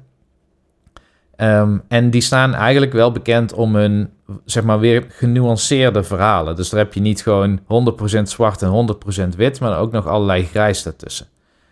Ja, ik weet niet of dat in 2004 volgens mij kwam eh Knights of the Old Republic 2 uit. Daar ergens. Ik weet niet of ze dat toen ook al zo heel erg deden. Mhm. Maar eh, volgens mij wel inderdaad. Volgens mij is dat, dat is meer hun ding dan dat dat van, eh, eh, hoe heten ze? Van BioWare is. Ja. Nou ja, wat deze game in ieder geval wel heel goed doet, naast dat ik die Star Wars universe nu beter begrijp en veel meer heb geleerd over de Sith onder andere en bepaalde volkeren. Wat het verder ook nog best wel goed doet, is toch aanvoelen als een soort, ja, laten we zeggen, het is, het is niet helemaal een Dragon Age. Dat is toch wel weer iets meer combat en misschien iets meer RPG. Maar ehm, het doet een beetje Deus Ex aan ook. Oké, oh dat is wel cool. Ja, dus je kan een encounter, bijvoorbeeld ik was dus die scoundrel. En dan had ik ook geïnvesteerd in eh, mechanical skills. Dus ik kan bijvoorbeeld een droid omprogrammeren in een vijandige basis, zodat die juist voor mij werkt. En dan kan ik zijn skill, schilden boosten, ehm, of ik kan eh, de, de aanvalskracht vergroten bijvoorbeeld. Of ik hack een computer en dan ontploft er iets waar toevallig allerlei vijanden bij staan. Dus ik kon zoveel gevechten als ik, ja, als mogelijk, ook zonder directe combat aan. Dat klinkt wel als Deus Ex inderdaad, ja. Met turrets, hacken en dat soort dingen. Ja. Dus dat vind ik wel. eh, en ik vond het de beginplaneet. Mensen klagen erover, maar ik vond het eigenlijk misschien het beste gedeelte van het spel. In het begin dan eh, ben je op een planeet. Ik geloof dat die Terrace heet. En die planeet die is in lockdown van de Sith. Want daar is een soort van Jedi aanvoerder op gecrashland. En die mag niet van die planeet ontsnappen. Dus eigenlijk iedereen die van de planeet af wil, die is of Sith of heeft hele specifieke toestemming om er vanaf te gaan. En dat is eigenlijk het punt waarop jij de missie krijgt om van de planeet te ontsnappen. Je zoekt die Jedi en daarna moet je ontsnappen. En het is eigenlijk één grote tutorial planeet, want je wordt helemaal geholpen met eh, hoe een shop werkt, weet je wel. Of ja, er is er ook Mhm. natuurlijk weer een kaartspel, want het is een CRPG, dus er moet een kaartspel in zitten, wat min of meer 21 is, maar dan maar met 20 in plaats van 21. Ehm, Oké, om het lekker simpel te houden. maar hier krijg je wel het meest nog die verschillende opties voor je kiezen. Dus dat jij, eh, ik moest bijvoorbeeld op een gegeven moment binnendringen in een gedeelte eh, van de stad. Je hebt de drie lagen, je hebt de upper layer en daar wonen de rijke mensen en daar heb je daaronder nog een layer en daar zitten vooral aliens en daaronder zitten misdadigers of mensen die verbannen zijn op een of andere manier. En je komt pas op een lagere laag, op- op een minder hoge laag, als je door een soort van check van de set heen komt. En daar heb je volgens mij al te maken met meerdere mogelijkheden om er langs te komen. En ik had dan toevallig uniforms van Sith-soldaten aangetrokken en toen bleek ik er gewoon voorbij te kunnen wandelen. Dus Oh, dat, dat is wel makkelijk. ja, dus dat is gewoon een optie. Ehm, nou ja, uiteindelijk ga je van die planeet af en kom je bij de Jedi Council en dan blijk jij ook potentie te hebben als Jedi. En dan opent de game zich, want dan kun jij met je spaceship, een beetje net als die Outer Worlds, naar allerlei verschillende planeten toe. Dat moet ook, want het is gewoon zo'n standaard, eh, haal de zes puzzelstukjes, maar dan nu, of Triforce Pieces, nu zijn het kaarten, zeg maar om, eh, om de Star Forge te vinden. Dat is dan een soort, ja, een ultiem wapen of zo, zal ik maar even beschrijven. Ja. En daar wordt hij weer de formule, hè. Want dan, nou ja, elke planeet eh, speelt zich ongeveer hetzelfde riedeltje af. Ja. Ja, Ja. Ja, ja, ja. Maar ben je nu meer Star Wars gaan waarderen door deze game, zeg maar, Niels, Ja. of niet? ja, nee, zeker. Dus eh, Oké. Ik weet niet... Kijk, het helpt dat het een genre is wat mij wel siert, zeg maar. Dus voor, Ja. Ja. Ik heb ook zitten kijken naar andere Star Wars games. Van misschien moet ik dan meer Star Wars games proberen. Maar de meeste Star Wars games, dat draait alleen maar om actie. En Ja, het, dat klopt. het verhaal is soort van een randvoorwaarde of een setting. Terwijl bij KOTOR is het verhaal is eigenlijk het, de mechanic zelf. Dat de sturing geven aan hoe je wil dat er wending aan wordt gegeven. Oké, uiteindelijk de grote plotpunten, zeg maar, die krijgt iedereen wel ongeveer op dezelfde manier voor ze kiezen. Maar wie jij wil zijn in het Star Wars universe, dat doet deze game wel heel erg goed. Ja, ja, ja. Ja, nee, ja, dat is wel... eh, ja, ik wist het, wist het al wel, dat als je Star Wars de films kijkt... Nou ja, goed, weet je, dan weet je de basis. Maar de echte informatie staat in de boeken, in de games... in de tekenfilmseries die er zijn... eh, en gewoon op websites, zeg maar, die hele Star Wars encyclopedieën hebben. Eh, niet zelf bedacht, maar gewoon uit de lore. Of waar mensen dingen aan elkaar eh, van hebben geknoopt. En dat soort zaken, zeg maar. Ja, dat is een beetje waar alles vandaan komt. Dus ja, je hebt een goede stap gemaakt, Niels. Ik denk het wel, ja. Ik denk het wel. En het is wel een game die... Want er zou nog een keer een remake van komen. Die zou Ja. ik op zich best wel nog eens dan willen spelen. En dan kies ik Darkseid. Eh want het lijkt me ook wel leuk om niet elke keer allemaal van die lullige quests te krijgen... en gewoon iedereen kapot te kunnen slaan. Ja, ja, dan moet je de dark side gaan, denk ik. Ja, dan zal je ook wel verzamelquests hebben voor een nieuwe Death Star of Ja, dat soort ja, dingen ja. natuurlijk. Maar ja, goed, weet je, dan zie je ook eens een keer de andere kant. Dat is ook wel leuk natuurlijk. Ja, en dan kun je je character ook anders spekken. Dus nu ging... Ja, ik had heel weinig dingen in combat situaties zitten. En bijna alles zat hem in... eh, nou ja, dus droids programmeren, weet je wel. En mensen omlullen. En ik had wel wat Jedi moves, want die kun je dan ook unlocken. En dan krijg je ook een soort skill tree... waarbij je je Jedi moves kan eh, verbeteren. Maar omdat ik zo slecht was in combat... heb ik gewoon één hele krachtige spel... ja, spel, ik weet niet of je het zo moet noemen, power... Ability. Ja. Ja, heb ik gewoon volledig geüpgrade. En dan voor de rest alleen maar armor erbij. Want dan kun je Ja. in ieder geval even meegaan. Ja, ja, ja, ja, ja. Nou ja, dan kan je er ook gewoon komen op die manier. Ja, toch? Ja. Ja. Ja, ja. Ik heb ongeveer hetzelfde gedaan. Oh, nice. Vertel. Eh, zorgen dat je heel veel armor hebt.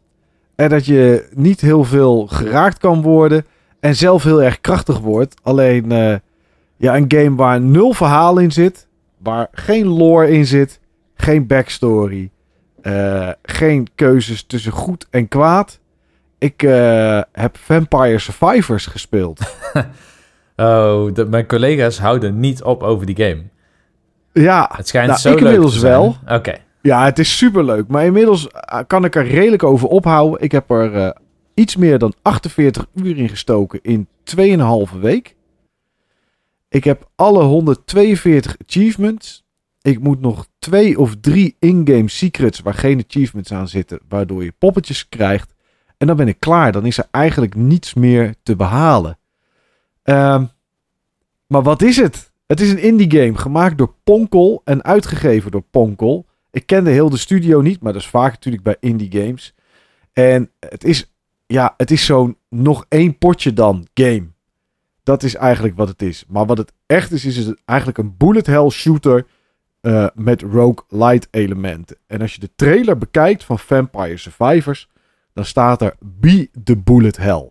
En dat is eigenlijk wat het is. Jij bent een poppetje op een map en er komen heel veel tegenstanders op je af.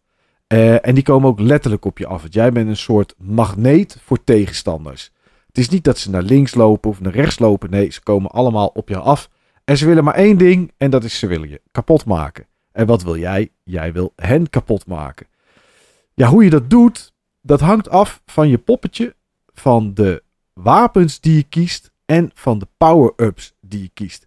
Want als je de game start, ben je een poppetje en je begint er met misschien vier of vijf en die hebben een wapen. De een heeft een zweep, de ander heeft een magic wand waar een soort, nou, eenmalig zo'n een balletje uitkomt wat naar een tegenstander gaat.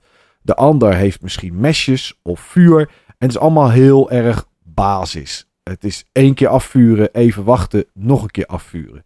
En de truc is dat dat afvuren niet iets is dat je zelf hoeft te doen. Dit is een game die kan je met één hand spelen. Als je, zeker als je hem op console speelt. Ehm, je loopt alleen met de stick. En af en toe heb je de A-knop nodig als je in level omhoog gaat om een nieuw wapen of je wapen te upgraden of een power-up te kiezen of te upgraden. En meer dan dat kan je eigenlijk niet eens doen, eh, al zou je het willen. Dus jij loopt rond, je ontwijkt de tegenstanders totdat je krachtig genoeg bent en er misschien tussenin kan staan. En als ze kapot gaan, laten ze XP vallen. Dat pak je op. Dan upgrade je je wapen of je koopt een nieuwe. Er zit uiteraard een maximum aan. En ja, zo probeer je zo lang mogelijk per level te overleven. En zoveel mogelijk kapot te maken om bijvoorbeeld geld te verzamelen. Waarmee je dan weer permanente power-ups kunt kopen. Of poppetjes kan unlocken, want die kosten geld als je ze gevonden hebt. Ja, dan begin je weer opnieuw. En weer opnieuw. En weer opnieuw. En weer en weer en weer en weer en weer. Totdat je niet alleen meer poppetjes hebt en je langer kan overleven. Um, want de levels duren maximaal 30 minuten. Dan komt de rode dood, zeg maar, death. Uh, en die sloopt je bijna instant. Nou, ook daar zijn perks voor en kaartjes voor, zodat die niet komt, zodat je langer kan spelen. En er komt natuurlijk een keer een moment dat je death wel aan kan. Uh, maar dat duurt wel eventjes. Dat is niet vanaf het begin. Per poppetje kan je, heb je een startwapen en daarna kan je alle wapens die je vrij hebt gespeeld, kan je kiezen. Als je levelt, dan krijg je de keuze om een wapen te kiezen. Nou, je kan er zes bij je hebben en zes power-ups. Um, maar het kunnen er ook meer zijn als je ze in het veld vindt of als je speciale wapens hebt. Dus ook daar zit weer een tweak en een verbetering aan. Um, je hebt power-ups die je in de, in de maps pakt. Je hebt permanente power-ups. Je hebt kaartjes, dat zijn een soort perks. Dan heb je nog opties om bijvoorbeeld je, je game op snelheid te zetten. Dat je twee keer zo hard loopt. Um, er is zoveel. En daarbovenop zijn er nog permanente upgrades die je kan kopen. Maar dat komt echt veel later pas. En die zijn heel minimaal. En dat zijn permanente upgrades per personage. Dus per poppetje dat je hebt, kan je ook nog stats boosten die van het begin af aan al werken. er zijn iets van zeven of acht stages, zeg ik even uit mijn hoofd. Um, er zitten nog andere secrets in. Ja, en het is spelen, spelen, spelen. En opnieuw, het is een beetje Ooit hadden we het over Diablo 3 en toen zei Steven, het is eigenlijk een game die alleen maar gaat over de cijfertjes. Je wil zoveel mogelijk cijfertjes zien en dat je zoveel mogelijk damage doet. Ja, en dat is dit ook. Je wil zoveel mogelijk damage doen, je wil zo groot mogelijke groepen tegenstanders aankunnen. Je wil zien dat je ze damage doet, dat al die cijfertjes over je scherm knallen en dat je XP pakt en dat je vier, vijf keer achter elkaar level up gaat omdat je zoveel XP verzameld hebt. En je dan weer sterker wordt en weer langer kan blijven leven, meer kan slopen. En dan ga je dood. En dan begin je opnieuw. Hm. En dat is het eigenlijk. Meer dan dat is het niet. Je zou het kunnen vergelijken met een Clicker Heroes of dat soort games. Op een gegeven moment is er een punt dat je niet meer verder komt. Ja, dan ga je dood. Dan upgrade je weer wat. Of je hebt een nieuw wapen unlocked. Uh, je kan wapens en power-ups, als je de combinatie weet welke bij elkaar horen, die je tijdens het spelen kan vinden, kan je wapens evolueren, zijn ze weer sterker. Uh, dan stopt het levelen. Alleen op een gegeven moment kan je ook die geëvalueerde wapens weer levelen. Ja, dan komt er wel een moment in de game dat de lol van een potje af is. Kijk, ze duren 30 minuten. Je kan dat op een gegeven moment uitzetten, dat death komt. Dan heb je een endless mode. Kan je door blijven gaan. Nou, is best handig, want er zitten achievements in om bepaalde poppetjes tot level 80 te levelen. En dan heb je soms wel meer dan die 30 minuten nodig. Maar ja, op een gegeven moment heb ik ook na meer dan 100 minuten een potje maar uitgezet. Omdat, ja, weet je, ik sloopte gewoon alles. Er zat helemaal geen enkele stop meer op, niks. Ik stond gewoon stil, midden in het scherm. Ik liet alles op me afkomen. Door mijn gekozen wapens en power-ups werd alles gesloopt. Ja, dan hoefde ik voor de rest niks meer te doen. Ja, dan is de lol wel van dat rondje af natuurlijk. Um, maar ja, dat is Vampire Survivors. Hm. Het... Heb ik hem aan je verkocht, Niels? ja, ik wil hem sowieso nog wel eens proberen, hoor. Want... Ja, hij zit in Game Pass. Dus op Xbox is die gewoon gratis te spelen.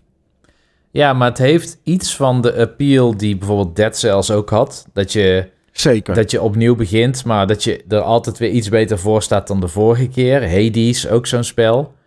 Uh, ik had Children of Morta laatst over gehad. Dat is ook zo'n spel waarin je in, in ieder geval XP uh, verdient. En ook al moet je misschien de hele dungeon weer opnieuw doen, met, die helemaal gerandomized is, met random wapens en alles.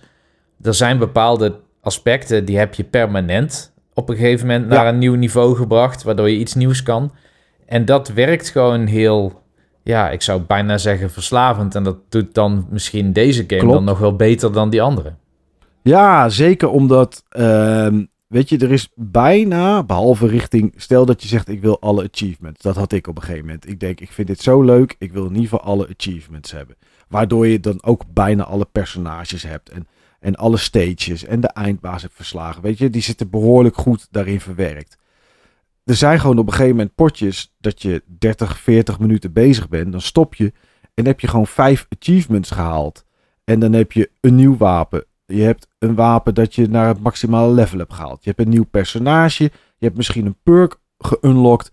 Ja, weet je, dan denk je: oké, ik heb nu dit.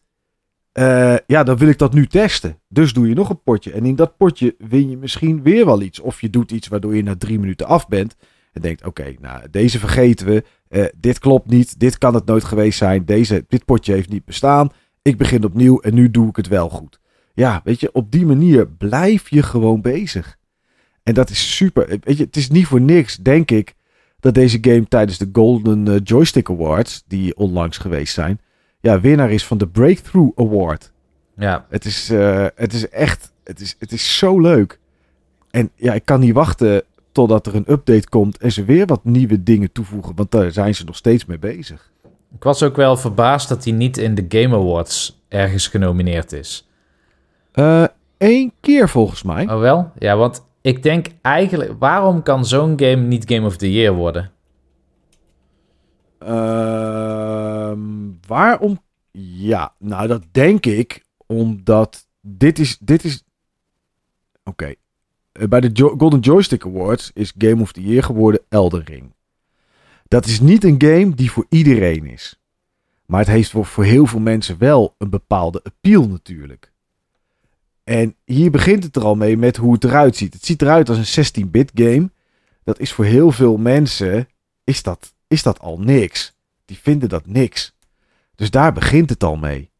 Uh, dan is het natuurlijk hele simpele gameplay. Wil niet zeggen dat dat geen Game of the Year kan worden. Want waarom niet? Maar ik denk dat dat toch dingen zijn. Ja, die dan, die dan tegenvallen voor mensen of zo. Ik weet het niet. Nee, nou ja, ja waarom kan dit geen Game of the Year worden? Ja. ja, omdat ik denk in de ogen van mensen dit niet op kan tegen Elden Ring of God of War. Er is geen story. Audiotechnisch gezien doet het helemaal niks bijzonders. Grafisch gezien doet het niks bijzonders. Het enige wat het heel goed doet, is de gameplay mechanic en de verslavende factor erin. En ik denk dat het daarom, ja, dat het daarom misschien niet, dat niet kan of zo. Ja. Ja, hij zit er wel bij trouwens. Ik heb even opgezocht voor uh, Best Indie uh, Debut. Dus de beste indie debuut game. Daar zit uh, Vampire Survivors bij. Oh, oké. Ja. Samen met Neon White, Norco, die ken ik dan niet, Stray en Tunic. Oh ja, ja, Stray is dan wel bij de Game of the Year, zeg maar, de algemene award genomineerd. Klopt. En dan, nou ja, dat, laat het zo zeggen, die, die heb ik nu inmiddels ook een keer gespeeld. Maar dat, dat zie, zag ik niet als kandidaat überhaupt. Nee, maar goed, dat is natuurlijk één persoonlijke mening. Alleen als, als een game als Vampire Survivor zo verschrikkelijk populair is... Ja. Voor zoveel soorten gamers ook, hè. Want het is niet alleen een casual publiek, maar ja, mijn, mijn collega die, die, die praktisch alleen From Software games speelt, die speelt nu dus dit. Ja. En die is er gewoon helemaal weg van. Dus dan denk ik, ja, wat, ik had, ik had er misschien toch wel verwacht. Of in ieder geval dat er ooit een keer zo'n soort game tussenkomt. Ja, ja, nee, het had voor mij ook zeker wel gemogen. Want als ik dan kijk naar wat ze bij de um, Game Awards hebben staan, is de Plague Tale Requiem, dus deel 2 van de Plague Tale, Elden Ring, God of War Ragnarok, Horizon Forbidden West, Stray en Xenoblade Chronicles 3. Dat zijn de games. Ja, voor mij zou Horizon Forbidden West of Xenoblade Chronicles 3 wel ingerald mogen worden voor Vampire Survivors. Gewoon, misschien gewoon eens om te kijken wat het doet ook. Weet Ja. je, kijken hoe hoog zo'n game dan eindigt. Op zich zou dat best, eh, best grappig zijn. En daar had ik misschien nog wel eh, daarvoor gekozen ook. Omdat het, weet je, het is niet het meest nieuwe wat er is. Alleen het is wel uniek. Ja, en, Het is wel, en kennelijk best wel verfijnd als het gaat over de speelervaring. Zeker, zeker. Ergens in juni of juli kwam de game uit in open, open beta of, of, of preview of eh, early access, of hoe het tegenwoordig ook allemaal mag heten. En ik geloof een week of drie geleden is versie 1.0 uitgekomen. En het, op Steam heeft het ook alleen maar positieve reviews. Ehm, ja, een kameraad van mij speelt het. Ik weet dat mensen van het forum, zoals Mark Kemp, die speelt het. Ja, weet je, en iedereen die eraan begint en die maar eventjes een heel klein beetje die touch ermee heeft, ja, die is verkocht. Hm. En dat is wel, eh, ja, dat is wel echt heel goed. Dat maakt het wel een, eh, een hele goede game, moet ik zeggen. Nou, hij mag dan wel meedoen in onze Game of the Year award van de... Oh, ze- zeker weten, zeker weten. Ja hoor, dan mag hij zeker weten in meedoen. Nee, het is echt, het is echt heel erg leuk. Het is, eh, weet je, ja, een potje kan vijf minuten duren of tien minuten duren. En een potje kan ook gewoon 90 minuten duren. Maar het is, ook op, het is ook op mobiel te spelen, omdat, ja, weet je, je hoeft alleen maar te sturen. Dus je kan met je vinger gewoon dat poppetje van links naar rechts sturen. En op het moment dat je levelt en een keus maakt, nou ja, dan tik je gewoon op je scherm en dan dan kies je en dan kan je weer door. Ja. Dus ja, qua gameplay betreft vind ik het geniaal bedacht. Je hoeft alleen maar te lopen en een keus te maken af en toe. En meer hoef je niet te doen. En alsnog versla je gewoon 10.000, 100.000 tegenstanders door alleen maar dat te doen. Ja, best geniaal, moet ik zeggen. Ja. Dus ja, eh, Niels, probeer het een keer. Ga ik zeker doen. Vampire Survivors. Ja, het zit in Game Pass. Het is voor mobiel. eh, en het is dan op Xbox en het is op PC. Volgens mij is het niet op Switch en ook niet op PS4 of 5. Maar ik kan me niet voorstellen dat het, eh, dat het niet een keertje daar naartoe komt eigenlijk. Want het is super, super populair. Het is ook op Mac, zie ik trouwens. Xbox One, Xbox Series X, S, Android, Mac, Xbox Cloud Gaming zit het in. En Microsoft Windows. Dat is, eh, dat is waar het allemaal op te spelen is. En het komt vast en zeker naar nog meer. Ja, het is tijd voor een kleine korte break. Zodat we onze gast, Jur, Joker Jur, zoals die eh, vroeger op het forum bekend was. We gaan zo eens even vragen waarom die daar eigenlijk nooit meer is. Hè, nu we hem toch spreken. Gelijk maar eens even aan de tand voelen. Die gaan we er eens even bij halen. En dan eh, ja, gaan we praten over gamebeurzen. Eens kijken hoe dat nou in elkaar steekt. Ja, waar het eventueel wringt. Of wat er juist heel goed aan is. Gewoon eens eventjes een duik eh, in die gamebeurzen. Om eens te zien hoe dit nou eigenlijk in elkaar steekt.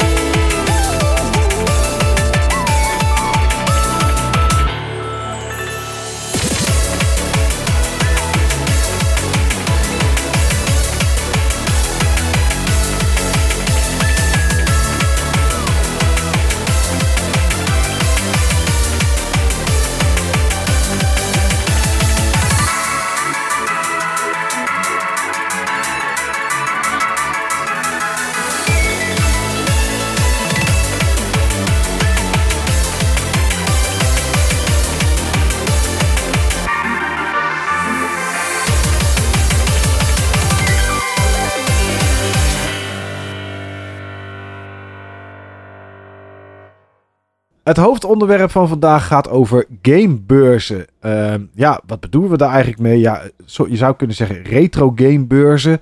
Uh, een verzameling, oneerbiedig gezegd, tafels in een ruimte waar je games kunt kopen. Maar ja, retro hoort er niet echt meer bij, want je kan ook gewoon PS4, PS5 games kopen tegenwoordig. Ja, zomaar tafels neerzetten is het ook niet altijd, al verschilt dat wel per beurs. Ja, en vanuit onze Buttonbashers community waren er wat aanvragen over uitzendingen. Van, hey, zouden jullie hier eens een keer naar kunnen kijken? Of zouden jullie daar eens een keer naar kunnen kijken? Ja, en dit is gewoon een onderwerp wat voorbij kwam. En uh, waar we eigenlijk maar eens een keertje een beetje zijn uh, gaan induiken. En ja, dan is het natuurlijk wel handig. Want Niels, jij hebt volgens mij nog nooit een, een, een retro of gamebeurs georganiseerd, denk ik. Nee, dat heb je correct. Dat heb ik nooit gedaan. Ja. Ga, nee, nee, ga ik, ook, ook niet doen voorlopig. Nou, misschien na deze uitzending wel, Niels, dat je denkt, ja, oh ja.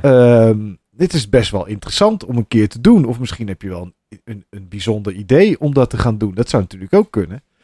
Uh, maar wij weten het niet. Dus um, wat ik gedaan heb, is een aantal mensen, CQ bedrijven, CQ instanties, stichtingen, gevraagd of zij uh, ja, een, een kijkje in de kaarten wilde geven. Nou, niet iedereen wil dat, snap ik natuurlijk. Maar uh, ja, we hebben wel iemand uit België gevonden die heeft ons gemaild en die heeft uh, precies verteld wat hij kwijt is, hoeveel zijn zaalprijs kost en dat soort dingen allemaal. En we hebben iemand te gast die ons er ook alles over kan vertellen, als het goed is. En ik hoop ook dat hij dat gaat doen natuurlijk. Uh, ja, Jur, welkom.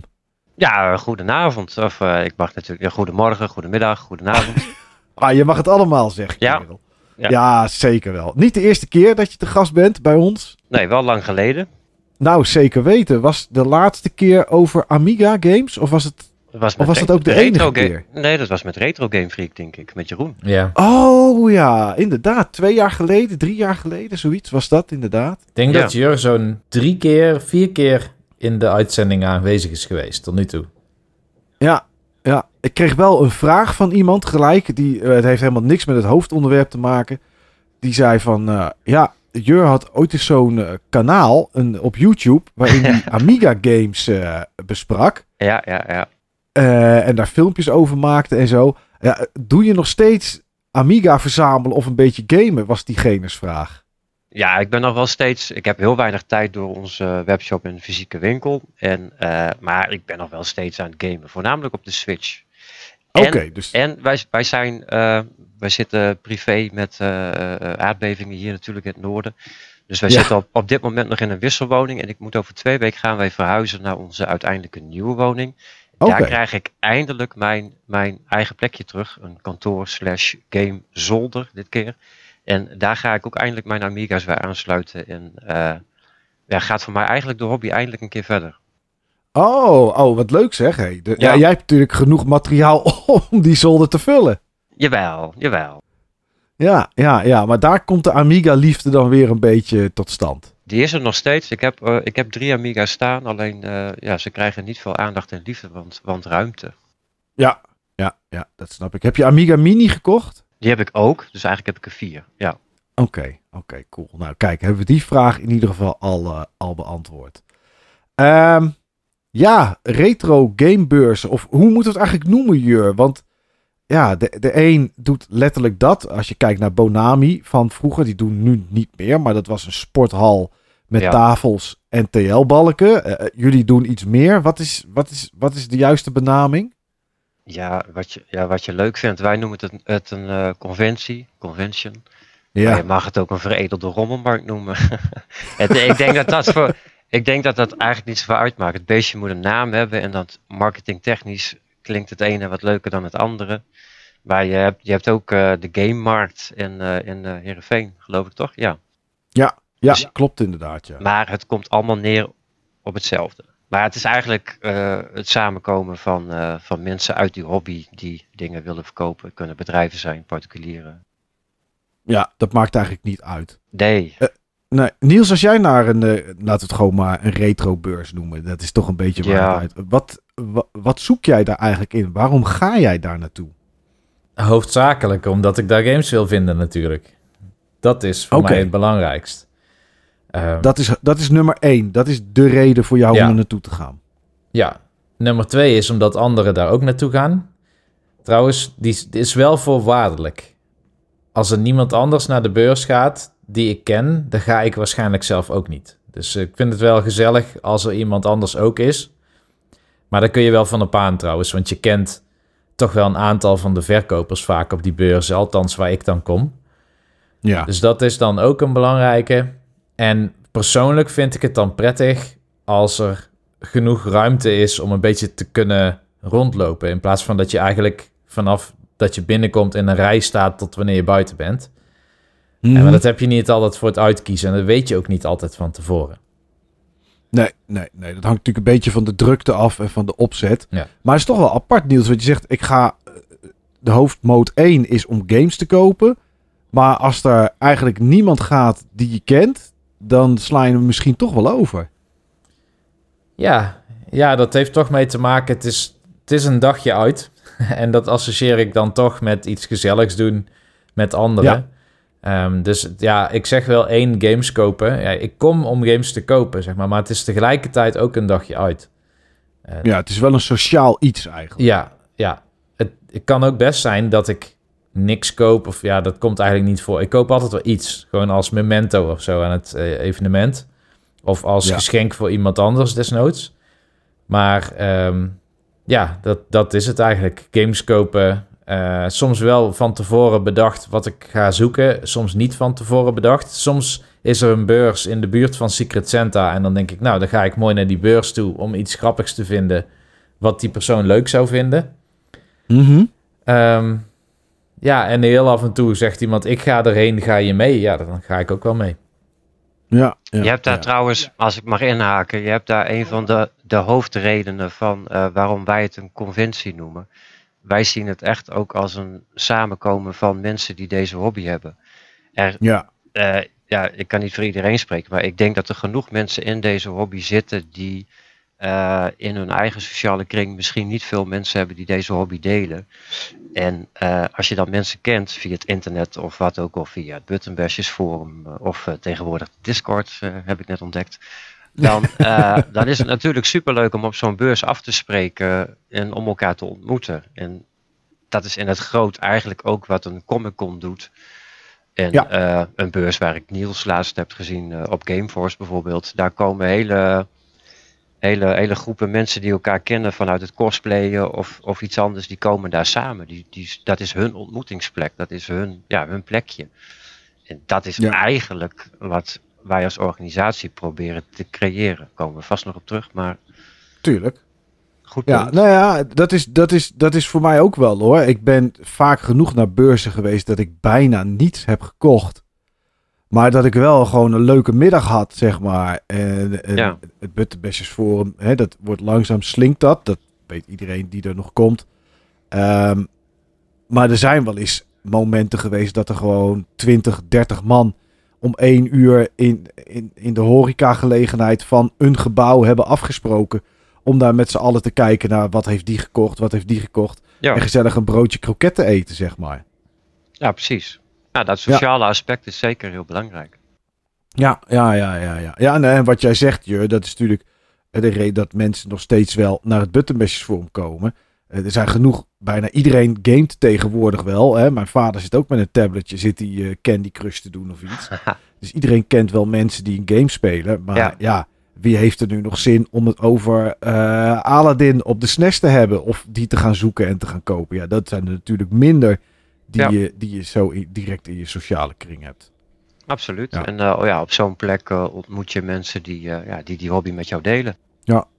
Want jij doet zelf staan op de beurzen, Jur. Je, Ja. doet ze, je doet er organiseren, die in Zwolle, zeg maar. We- Ja. Niels en ik kwamen er straks eigenlijk achter dat we van bijna geen enkele conventie de echte naam weten. Maar we noemen het gewoon Zwolle, Deurne, Apeldoorn, Tilburg, Tilburg, of ja, wat ja. dan ook. Ja. ja.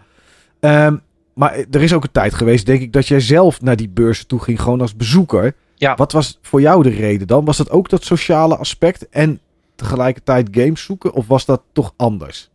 Ja, ook het sociale aspect inderdaad. Vaak ging je dan ook wel met een vriend of zo heen. Tenminste, ik wel. Helemaal in het begin eh, met de Bonami-beurs in Apeldoorn nog. Toen eh, was ik ook nog geen handelaar. Dan ging je echt games zoeken en je kwam daar andere mensen ontmoeten. Maar ook gewoon eh, dingen zien die je niet kent. Ja, Hè, Ja, je, ja. Je, zag daar vaak eh, apparaten staan of eh, games liggen die je nog nooit in het echt had gezien. En dat inspireerde je vaak ook weer binnen je eigen verzameling. Van goh, ik heb dat nou gezien en ik wil dat dan ook hebben.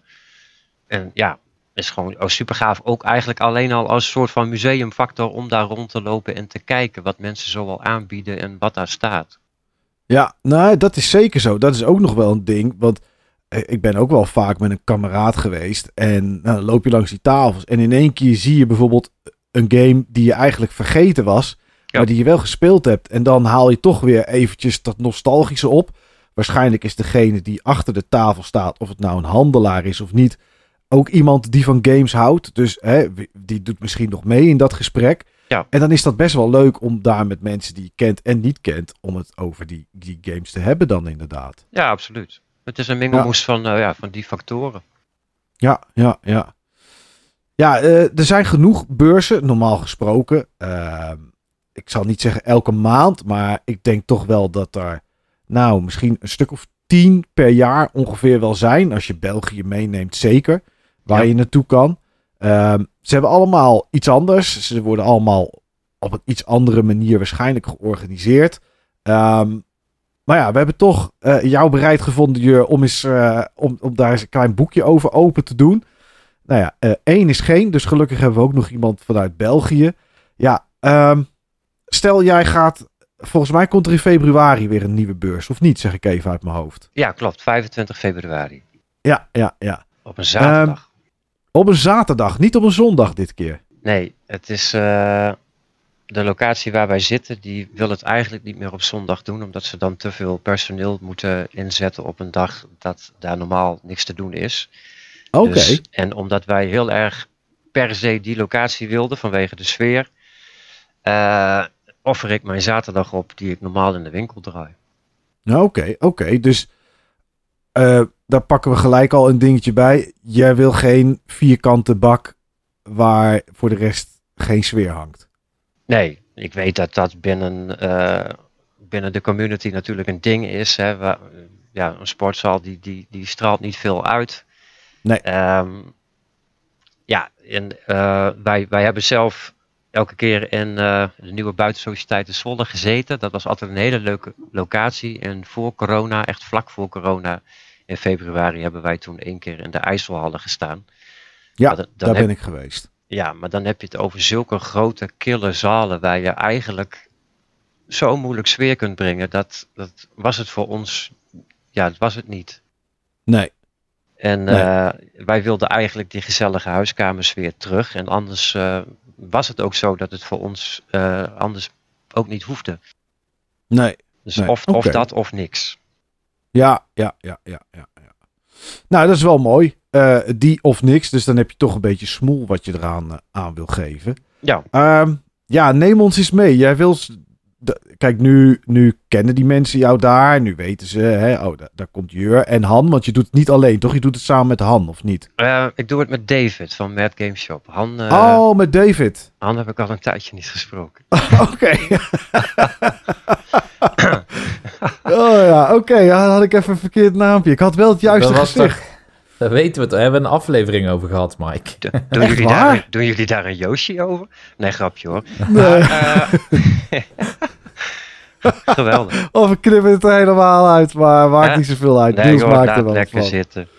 Nee joh. Maar samen met David inderdaad. Ja, van eh Ehm, Mad Game Shop. Dat is eh, ooit zo geboren. En eh, nou, dit, het organiseren is ook niet iets wat ik alleen zou willen doen. En het is gewoon makkelijker om dat met z'n tweeën te doen. Oké, want even gewoon grofweg gezegd. Hoeveel tijd zijn jullie kwijt aan het, aan het organiseren van zo'n beurs?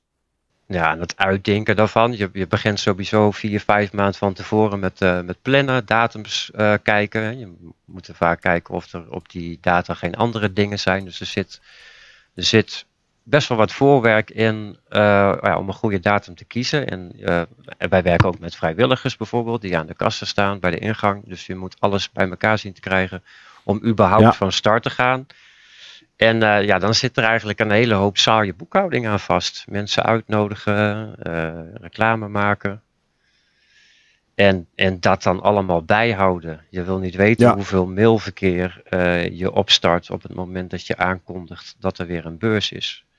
Ja, ja, want alle mensen die helpen en die daar werken, zijn het allemaal vrijwilligers? Nou ja, de mensen die ons helpen met het eh, runnen van de beurs, zeg maar, die bij de kassen zitten, dat is vaak Mhm. familie, familie of, eh, of, of vrienden. En Ja. eh, die laten wij dan bij onszelf wel wat uitzoeken. zijn meestal ook mensen uit de hobby, maar die worden in principe niet betaald. Eh, dat geldt niet voor de mensen die achter mijn stand werken. Mijn, eh, mijn personeelslid helpt mij achter Nee, de stand. En eh, ja, die, doet, die doet dat niet voor niks. En terecht. Nee, dat snap ik, dat snap ik. Maar gewoon kijkende naar de beurs, is het dus eigenlijk allemaal vrijwilligers die, nou ja, die uit- uiteraard wel iets meekrijgen, zeg maar. Hè? Of Jawel. Wat je zegt, die iets uit mogen zoeken. Of we gaan uit eten, of ik neem ze mee naar, naar het hotel. Hè, want ik kom dan van iets verder. Dus ik zit dan in een hotel, dus dan neem ik hun ook mee. En, want ik ontneem eigenlijk die mensen hun vrije weekend. Dus er moet wel iets tegenover staan. Al is het maar een Ja. etentje of zo. Maar ja, in principe is het, eh, is het de liefde voor, voor datgene om dat dan op te zetten. En zijn dat dan ook mensen die eh, de tafels neerzetten, die, ehm, die, die alles op de locatie in orde maken, zeg maar? Zijn die meerdere dagen daar dan aan bezig? Nee, dat zit bij ons zit dat bij eh, de locatie zelf. Wij huren de locatie en de locatie zet de tafels eh, voor ons klaar. Ik maak, dat is dus een van de dingen wat het voorwerk is. Ik moet ze aan de hand van mensen die zich inschrijven als standhouder, moet ik tekeningen maken, moet ik ze ergens inplannen. En eh, ik stuur dan vlak voordat we echt losgaan, stuur ik de tekening naar de locatie en die zetten dan de tafels klaar. Ik weet dat dus- andere beurzen vaak tafels huren. Klopt. Maar, maar dan komt daar ook weer een bedrag overheen. Ja, Eh, ja nou ja, dat is bij, eh, bij nee, de beurs in België die wel inkijk wilde geven. Ja. Om die er even bij te halen. Die zegt, ja, de zaalprijs voor mij is 1550 euro. Ja, Eh, huur van 180 tafels is 5 euro per tafel. Dus dat is 900. Nou, zij laten iets van 5000 flyers drukken. Dat is 150 euro. Dus hij zegt, de kosten voordat er ook maar iets gebeurd is, zijn 2600 euro. Ja. Eh, komt dat een beetje overeen met wat jullie kwijt zijn? wij, ja, wij zijn meer kwijt. Oké. en- En dat komt grotendeels door onszelf, door de locatie die wij per se willen. Het is geen goedkope locatie. Nee. En, maar goed, daar zit de tafelhuur dan wel bij in. Maar dan zit ik al hoger dan dat. Je zit hoger dan die 2600 euro. Ja, en dan moeten wij, wij willen eh, ook nog Arcadium inhuren. Ja. Ja, daar zijn we ooit geweest vroeger. En, eh, en dat willen wij ook weer per se, omdat Arcadium een band heeft met Zwolle. Oké. En voor de mensen die niet kennen, wat, wat of wie is Arcadium? Eh, jij was daarbij, Mike, toch? Ja. Wij zijn, nou, Ja, we zijn van zeker. Buttonbashers bijvoorbeeld ooit eh, in Arcadium geweest. En dat was toen was dat een groot eh, ja, uitgaanscentrum. Of het was ja, een soort geval... herenpand leek. Het was een grote heren, herenpand van, van een grachten. Echt vier of vijf etages of zo. Ja, en dan had je daar onderin had je een restaurant of een, een, een bar, geloof ik. En boven waren de etages gevuld met allerlei consoles en, en loungehoeken. En arcadekasten volgens mij ook nog. En super warm. Ja, en eh, ja, ja. En wij zijn toen ooit eh, uitgenodigd voor de verzameljaarbeurs in, eh, in, in Utrecht. En toen hebben wij Leslie gevraagd van, goh, zou jij met ons mee willen als entertainment? Want wij konden dan een leuke deal maken, omdat wij dan ook entertainment meenamen. Dan was het voor ons lucratiever om Leslie te betalen dan dat wij zelf tafels zouden gaan huren op zo'n megabeurs. Ja. En dat hebben wij toen gedaan. En Leslie die, die had al interesse om er een beetje een soort van bedrijfje van te maken om ja, entertainment te bieden op verschillende locaties. En dat, dat heeft hij nu ook. En eh, ja, als het, als het kan, als de agenda's bij elkaar komen, dan huren wij Leslie altijd graag in voor, eh, voor Zwolle. Ook vanwege de geschiedenis die hij met Zwolle heeft. Ja, uiteraard. En het biedt iets extra's aan je beurs. Want er is dus Ja. een ruimte waar hij tv's neerzet, consoles neerzet, games neerzet. En mensen dus kunnen spelen. Ja, en omdat hij een nou ja, lokale bekendheid is, helpt dat natuurlijk ook voor ons in de marketing. Eh, hè, en trekt hij eh, daar automatisch al mensen mee, omdat hij dat is die dat doet. Is dit iets dat je vindt dat elke beurs zou moeten hebben? Zou er meer moeten zijn dan alleen tafels waar je iets kan kopen? Ehm, ja, in, mijn- in, mijn- ja, naar mijn persoonlijke mening wel. Het is het, hè, wat ik net ook tegen je zei, van het is leuk als je een soort van beetje museum-effectje hebt. eh, maar er moet ook zeker wat te doen zijn. Ja. Bovendien Ja. kun je Is- daar je games ook testen.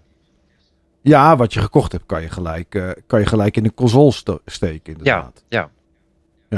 Is het iets nieuws wat jij doet? Als je naar een beurs gaat en er is een ruimte om, om iets te spelen, ga je dan spelen? Dat heb ik nog nooit gedaan tot nu toe. Waarom niet? En ja, waarom niet? Daar is niet echt per se een reden voor. Kijk, meestal dan zitten daar al mensen en die hebben al veel plezier. En de games die er zijn, zijn wel vaak de populaire games die ik toch al thuis heb. Dus om dat dan daar te gaan spelen. Kijk, als je het co-op kan doen, dat is natuurlijk wel gaaf. Ja. Je, kunt, ook flexen Eh, met je skills, Niels. Sk- eh, skills. ja, Niels, ben je bang om te laten zien Ja. hoe jij gamet? Phalanx. nee hoor, ik, ik doe gewoon heel snel BA, BA, omhoog, omlaag, BA, links, rechts, BA. Oh ja. Select start. En dan ziet iedereen, eh, ja, skills. Gewoon eh, hoe snel je in 99 levens naar beneden kan werken. Nee, maar jij, jij doet dit dus nooit. Je gaat daar nooit zitten en iets spelen.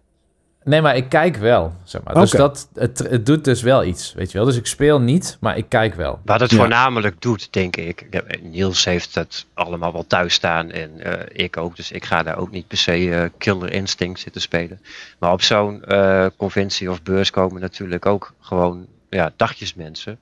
eh, ouders met kinderen en zo. En die bekijken zo'n beurs wel echt van, nou, hè, moet je eens kijken wat er allemaal is. En dan, als je dan in zo'n zaaltje ook echt dingen kunt aanraken en spelen. Want ja, dat, dat zie wij, gaan, wij zorgen altijd dat we even gaan kijken hoe de sfeer in, eh, in die zaal is. En dan zien we vaak wel ouders met kinderen dat spelen. En die zijn dan echt Hmm. op een soort van ontdekkingsreis. Voor, voor, Maar is het... Ja, zeg maar je. nou, voor een doorgewinterde verzamelaar is dat misschien niet eh 1, 2, 3 interessant. Tenzij je inderdaad je skills wil showen. Maar voor de, ja, voor de bezoeker die niet elke dag met eh, retro bezig is, is het wel tof om dat te zien. Ja, want krijg je veel van dat soort mensen, is natuurlijk lastig, maar binnen, ik bedoel, kijk, ik ga naar een beurs omdat ik weet dat die er is. Ik wil Ja. of iets kopen, of ik wil gewoon even rondkijken en met mensen kletsen. Dus ik stap ook zo, ik loop wel zo'n ruimte in, gewoon om te kijken wat er staat. En als het Arcadium is, om even Leslie een hand te geven en even hallo te zeggen. Ja. Eh, maar zelf ga ik ook niet zitten spelen, want ja, dat kan ik thuis net zo goed. Ja, precies. Alleen, ehm, heb je veel, bedoel, als mensen bij jou naar binnen stappen op de beurs, dan zal dat niet zomaar mensen zijn die zomaar rondlopen en denken, hé, hey, er is hier iets, ik ga naar binnen. Er zal toch iemand zal, zal interesse hebben in het kopen van retro games, denk ik, toch? Absoluut. Maar wat je net ook al zei in je inleiding, het is niet alleen maar retro. Het is, eh, Nee. retro wordt ook gewoon steeds moeilijker te vinden. Dus het is toch een mix van van alles. Je hebt ook merchandise en dat soort dingen. Dus, en, en mensen weten dat. Mensen die verwachten ook niet dat er alleen maar retro is. Die verwachten ook aanverwante artikelen, zoals ik dat altijd noem. Ja. Maar ja, die, die, die komen gewoon kijken wat er is. En die zien, hebben misschien tv-programma's gezien over dat sommige dingen heel erg duur zijn en zo. Het zijn echt niet allemaal doorgewinterde verzamelaars die, die puur iets zoeken. Het zijn ook gewoon alledaagse mensen die denken: ik wil graag een Super Nintendo, want die had ik vroeger. En die gaan hem Ja. dan daar zoeken. En dan schrikken ze van de prijs misschien. nou, bij de een wel, bij de ander niet. ja, ja, ja, ja, dat is altijd zo natuurlijk. Ja, En, maar eh, daar heb je als organisatie ook verder geen invloed op. Ehm, daar heb ik wel een mening over en een theorie over. Maar eh, als jij als bezoeker op zo'n beurs loopt en eh, ja, zorg dat je gewoon eerst een rondje loopt. Maar dat is, vind ik, common sense. Ja. Ehm, hè, vergelijk even de prijzen, want de, ja, de ene handelaar die vraagt 60 euro, de ander die is juist aan het opruimen, want dat is een oud verzamelaar en die vraagt 40 euro. Dus dat, Ja. dat wil fluctueren, maar ja, daar heeft de organisatie heeft daar geen invloed op.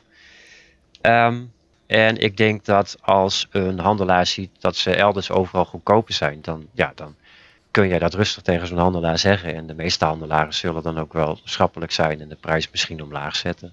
Je kunt ja, ook of af, het hangt van de staat af. het hangt eh, inderdaad ook vaak van de staat af. Is hij nog helemaal mooi wit of is hij vergeeld? Dus de- ja, daar zitten gewoon verschillende prijsklasses in.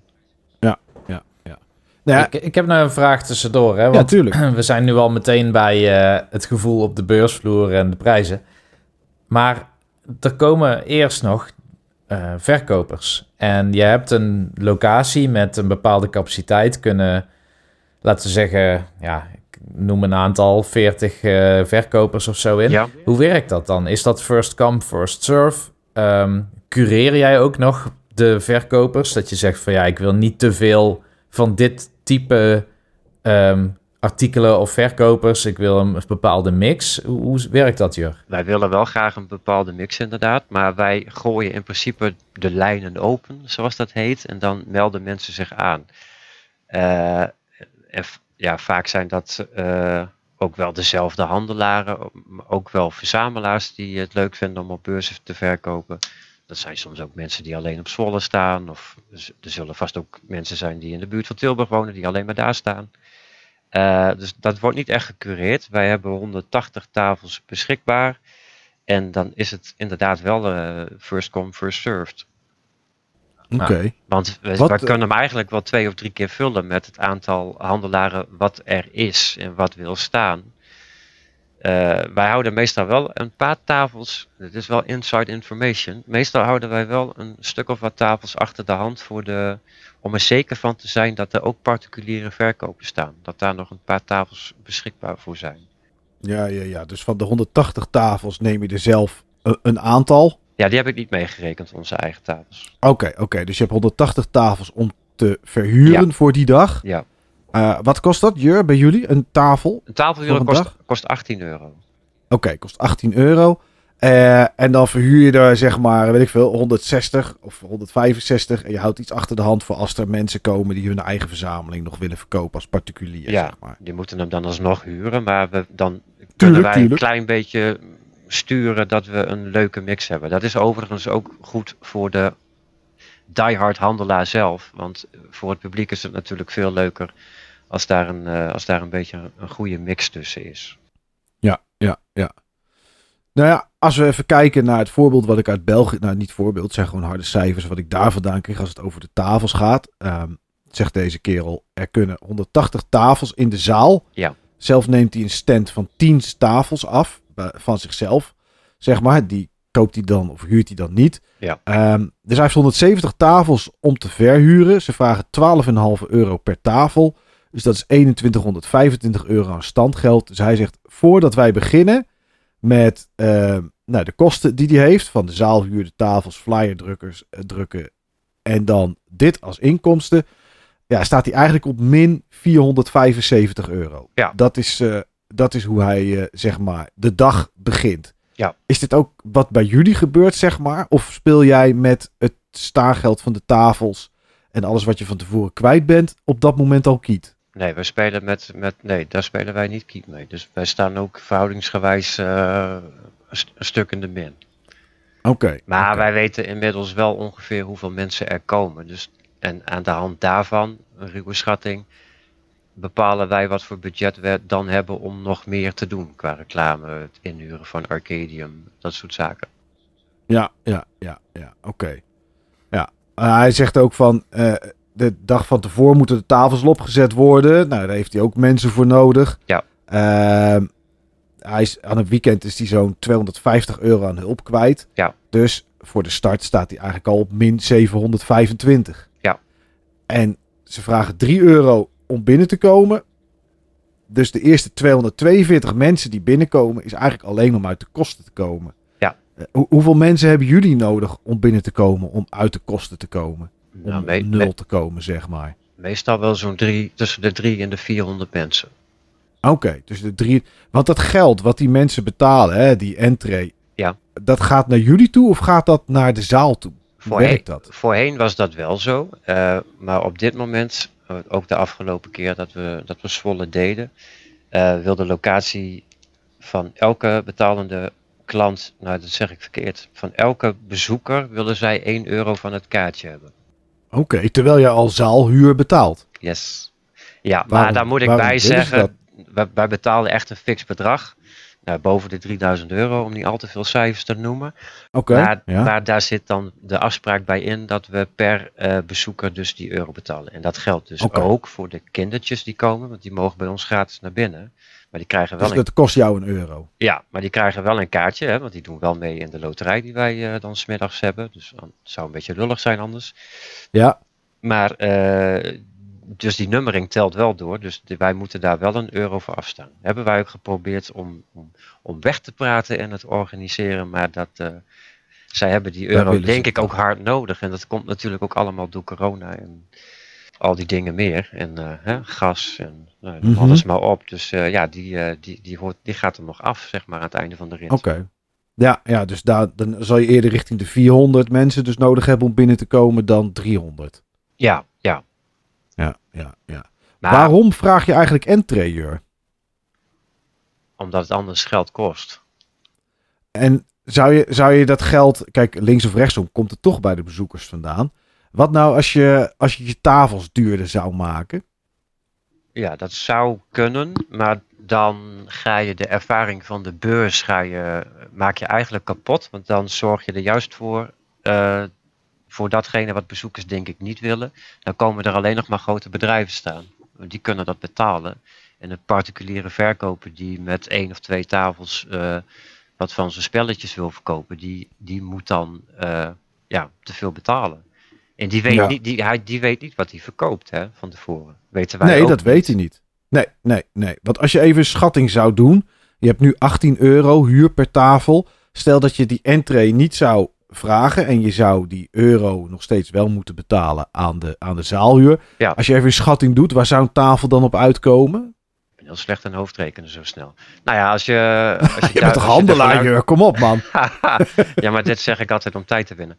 Maar als, Ja, jij, uh, als jij duizend bezoekers hebt, dan, ben je- eh, dan ben je dus duizend euro kwijt. En die zou je dan Ja. moeten delen op zo'n eh, vier, op zo'n 40 eh standhouders. Dus eh, wat is dat? Ja, ja. eh, meer. 25.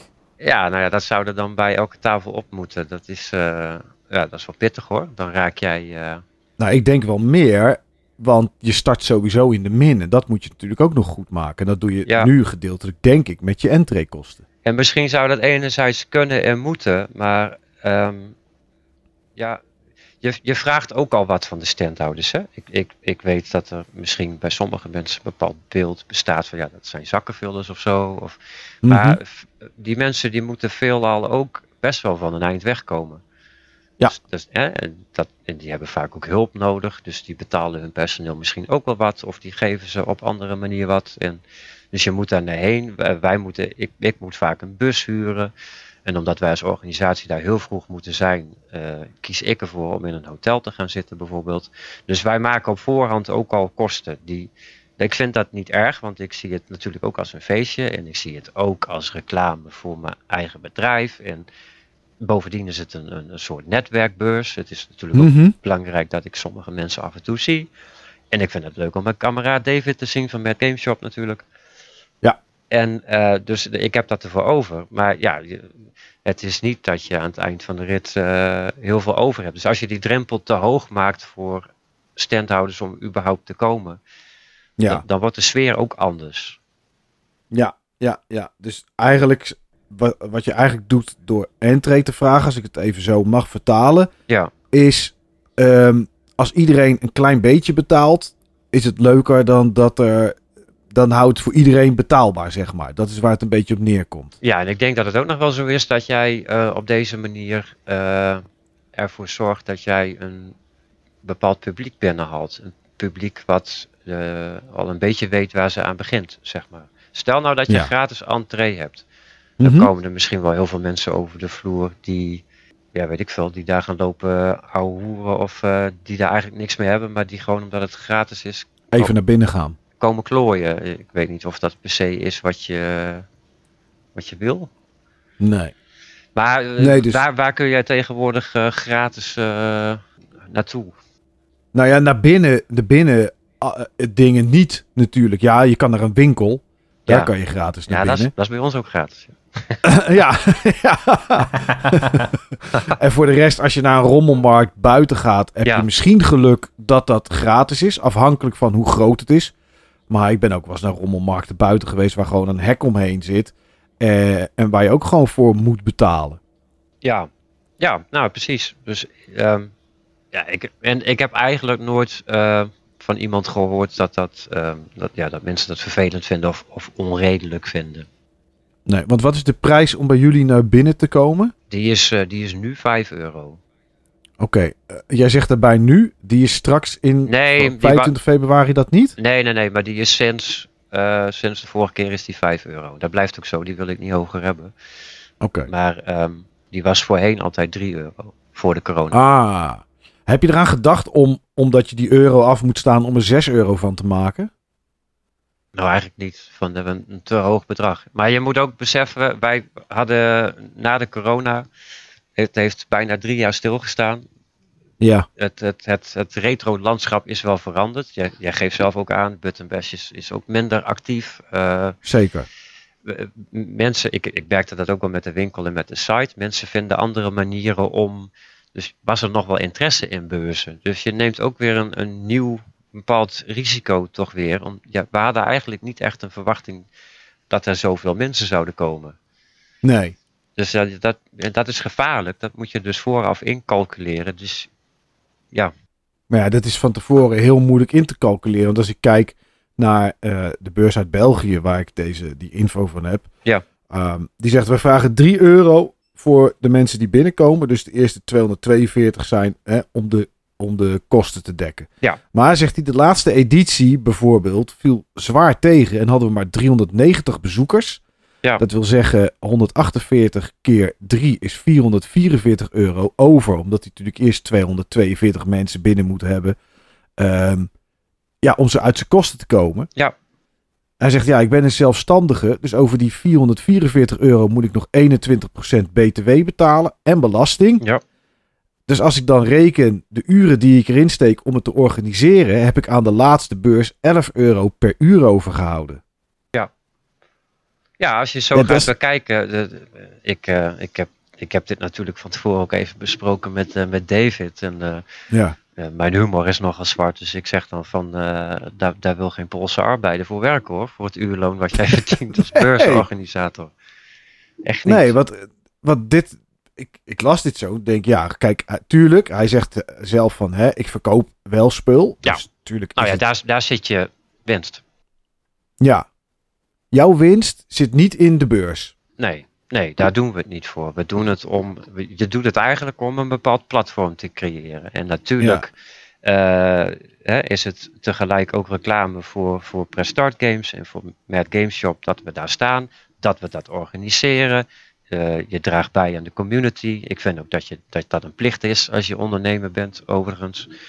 Dus, Mhm. dus ehm, ja, wij, wij, wij willen dat graag doen. Op die manier kunnen wij laten zien dat wij ook van de community houden en zo. Dus, maar het, dat is natuurlijk tegelijkertijd ook marketing. En een stukje reclame. En, en daarna sta je dan op de beurs eh, eh, met je handel. Ja. Maar eh, onderaan de streep, zeg maar, speel je na, als alles eraf is, zonder je verkopen, zeg maar. Dus puur de beurs zelf. Dan hou je het, dus dat hoop ik in ieder geval voor je, want je stopt er werk in. Hou, hou je er toch wel iets aan over, mag ik hopen. Ja, je houdt er misschien een paar honderd euro aan over. Maar dat, het, dat weegt niet op tegen de uren die je erin stopt, zeg maar. Daar, daar Nee. doen we het niet voor. Nee, oké. Nee, dat snap ik. Dat snap ik. Maar goed, je houdt er wel iets aan over. Maar het is, nou ja, goed, dat komt dus een beetje richting wat deze kerel ook zegt.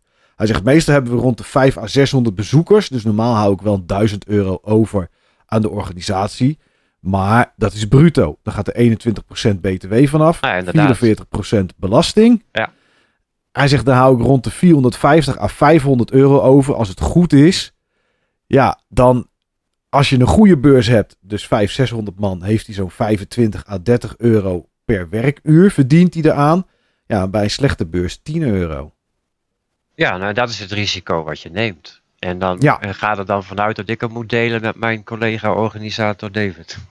Ja, Maar ja, dat, dat, en dat is dus ook niet de essentie van het organiseren van zo'n beurs. En dat zou het ook niet moeten zijn. Ehm, ik, kijk, ik heb er natuurlijk alle vertrouwen in dat ik met mijn eigen stand eh terughaal wat ik nodig heb. En dat ik daar, daar, dat is mijn werk. Daar verdien ik geld mee. Ja. En het is voor ons is Zwolle ook geboren omdat wij heel vaak eh, onder in Nederland eh, naar een beurs moesten of naar België. En Mhm. dat, is, dat zijn pittige dagen. Dan moet je ook hotels eh, regelen.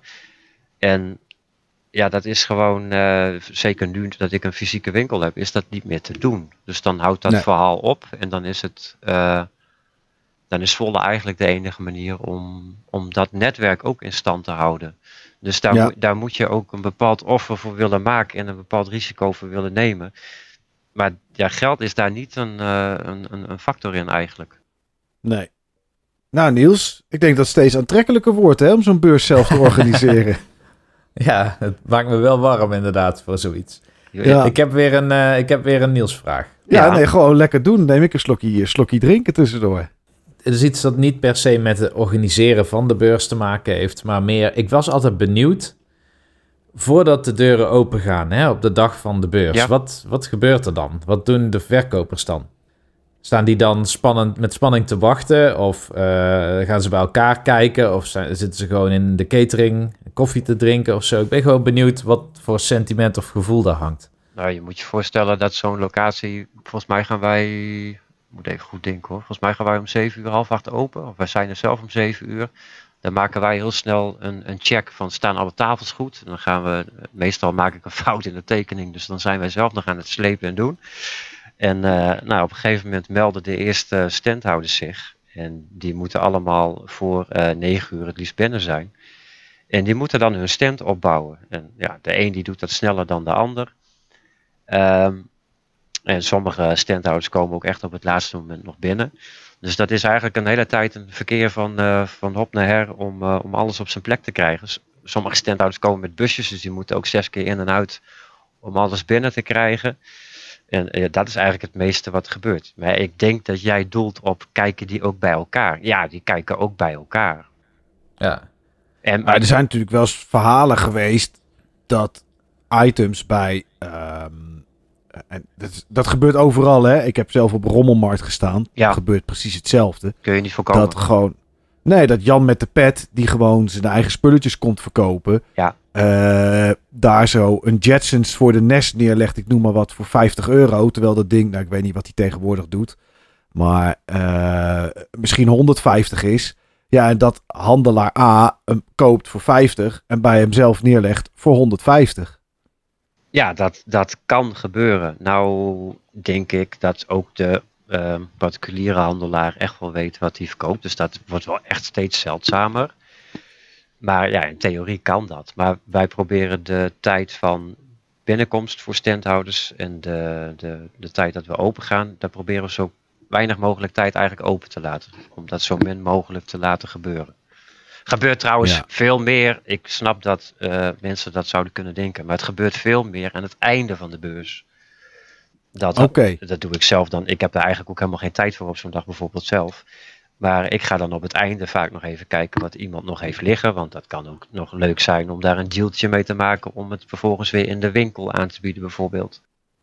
Ja, ja, mensen die dan nog wat hebben liggen. Nou ja, ook dat gebeurt eigenlijk hetzelfde als als je op een rommelmarkt staat. Ja, Ik heb dat een paar keer gedaan. Tuurlijk, op het moment dat je binnenkomt met je spullen, dan zijn er al een soort van extras die kijken wat je erin hebt zitten. Hè? Om, eh, het wordt bij wijze van spreken, als je zodra je de drempel overgaat van, de, van, van zo'n rommelmarkt, dan, dan wordt de helft er al uitgehaald. En wat wil je hiervoor hebben? ja. En ja, en aan het einde komt er volk dat altijd wil afdingen. Ja, absoluut. Maar ik, ik denk niet dat dat op zo'n grote schaal gebeurt als dat je denkt hoor.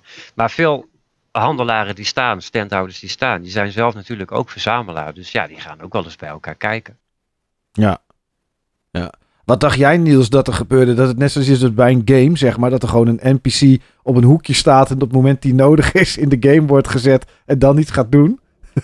Nee, nee, het ging me eigenlijk vooral juist toch om het sentiment, zeg maar. Dus de, het gedeelte handel, kijken handelaren ook bij elkaar was niet de focus van mijn vraag. Ik moest even denken, omdat ehm, bij eh, Gameforce, dat was eigenlijk de eerste beurs waar ik op stond.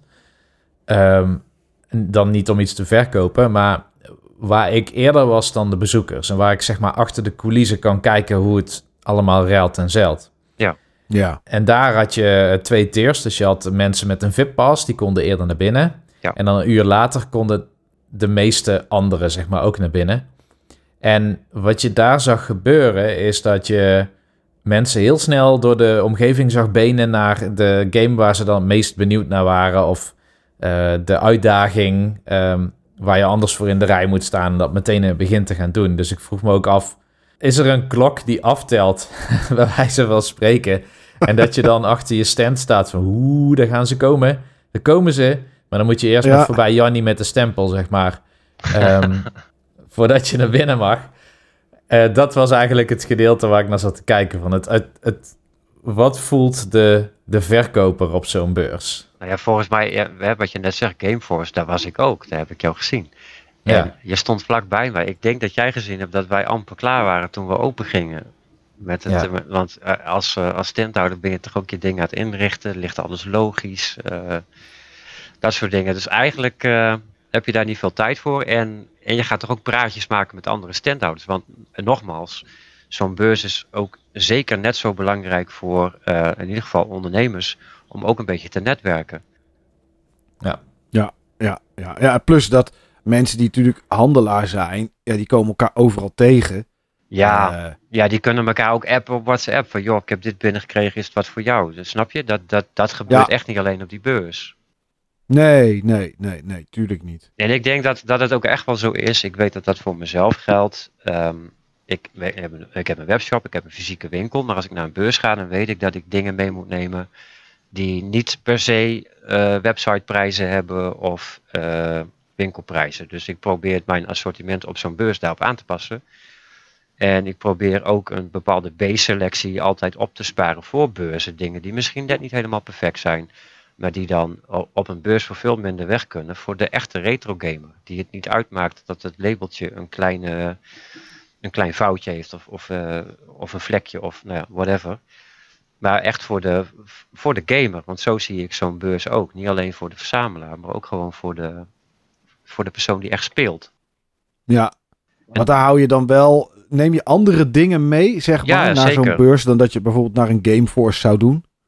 Ja, ik neem dat ook mee naar Gameforce. Ik neem daar een segment mee wat, wat, wat goedkoper kan. Als ik echt een high-end collectible heb van 500 euro, dat neem ik niet mee naar Zwolle. Nee, dat heeft geen nut. Daar gaat niemand komen. Nee, bovendien, misschien wordt het dan ook nog wel gejat. Want dan is het ook wel een beetje een soort van uitlokking. Ik denk niet dat het slim is om dat soort dingen mee te nemen. Nee, plus dat iemand die zo'n game wil hebben en die daar 500 euro voor uit wil geven, die heeft het al lang online gekocht. Ja, Of in een winkel. ja, ja precies. Dus je, ik, ik denk dat, je, dat het juist leuk is om daar, eh, dat klinkt heel oneerbiedig, maar om een beetje rommelbakken mee te nemen. Eigenlijk hetzelfde als wat, eh, wat Jeroen altijd deed, hè, van Retro Game Freak op de beurzen. Die had dan altijd eh dozen. bananendozen. vol- ja, ja, ja, en Ja. dan voor 1, 2, 3 euro. Nou, daar, daar kwamen ontzettend veel mensen op af. Dus ik denk dat dat het wel onderstreept. Dat vinden mensen leuk. En, de, en laat, daar, laat daar dan ook gewoon leuke deals in zitten.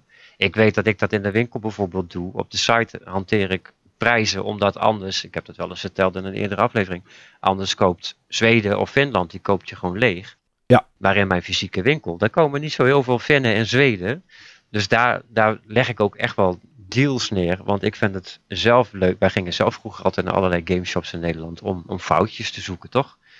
Ja, tuurlijk. Nou ja, dat verwacht, dat verwacht ik dus ook van mijn klant. Dus ik vind het ook expres leuk om daar foutjes eh, te hebben liggen. Ja, zodat ze het gevoel hebben dat ze echt een deeltje hebben Ja, gescoord. en dat hebben ze dan ook. Ik hou ze niet voor de gek of zo. Maar ik vind, Nee, eh, ik, nee, vind, ik, nee. ik vind het leuk dat je, eh, dat, je, dat je nog kan scoren, zeg maar. En het hoeft niet altijd voor de maximale prijs. Nee. Dat hoeft echt niet. Als, als ik het een keer op een leuke manier binnenkrijg, dan mag het ook weer op een leuke manier weg. Ja, ja, ja, eens. Nee, ja, ik kan wel makkelijk roepen eens. Ik heb geen webshop en ik heb geen winkel. Maar eh, ja, weet je, dan, dan houdt het het wel leuk voor mensen. Ik denk dat dat belangrijk is dat jij, eh, en dat geldt voor de beurs, maar ook voor je onderneming, dat jij eh, ook wel een bepaalde uitstraling hebt richting de community, dat het niet gaat om het geld. Want dan, dan blijven mensen weg. Merk je dat, hé, onder jouw standhouders, dat er bijvoorbeeld standhouders zijn die, die doorgaans, noem maar even iets, 10% boven de, de, de, de eBay webshop prijzen zitten. Dus dat is toch een beetje waar mensen naar kijken natuurlijk, hè. Eh, voor de laatste beurs in Hengelo waar ik was, he- heb ik ook gewoon gekeken. Deze games wil ik hebben. Wat doen die op eBay? Wat doen die op... En dan niet bij waar staan ze voor, maar waarvoor worden ze verkocht? Ja. Eh, wat doen ze op, eh, op webshops?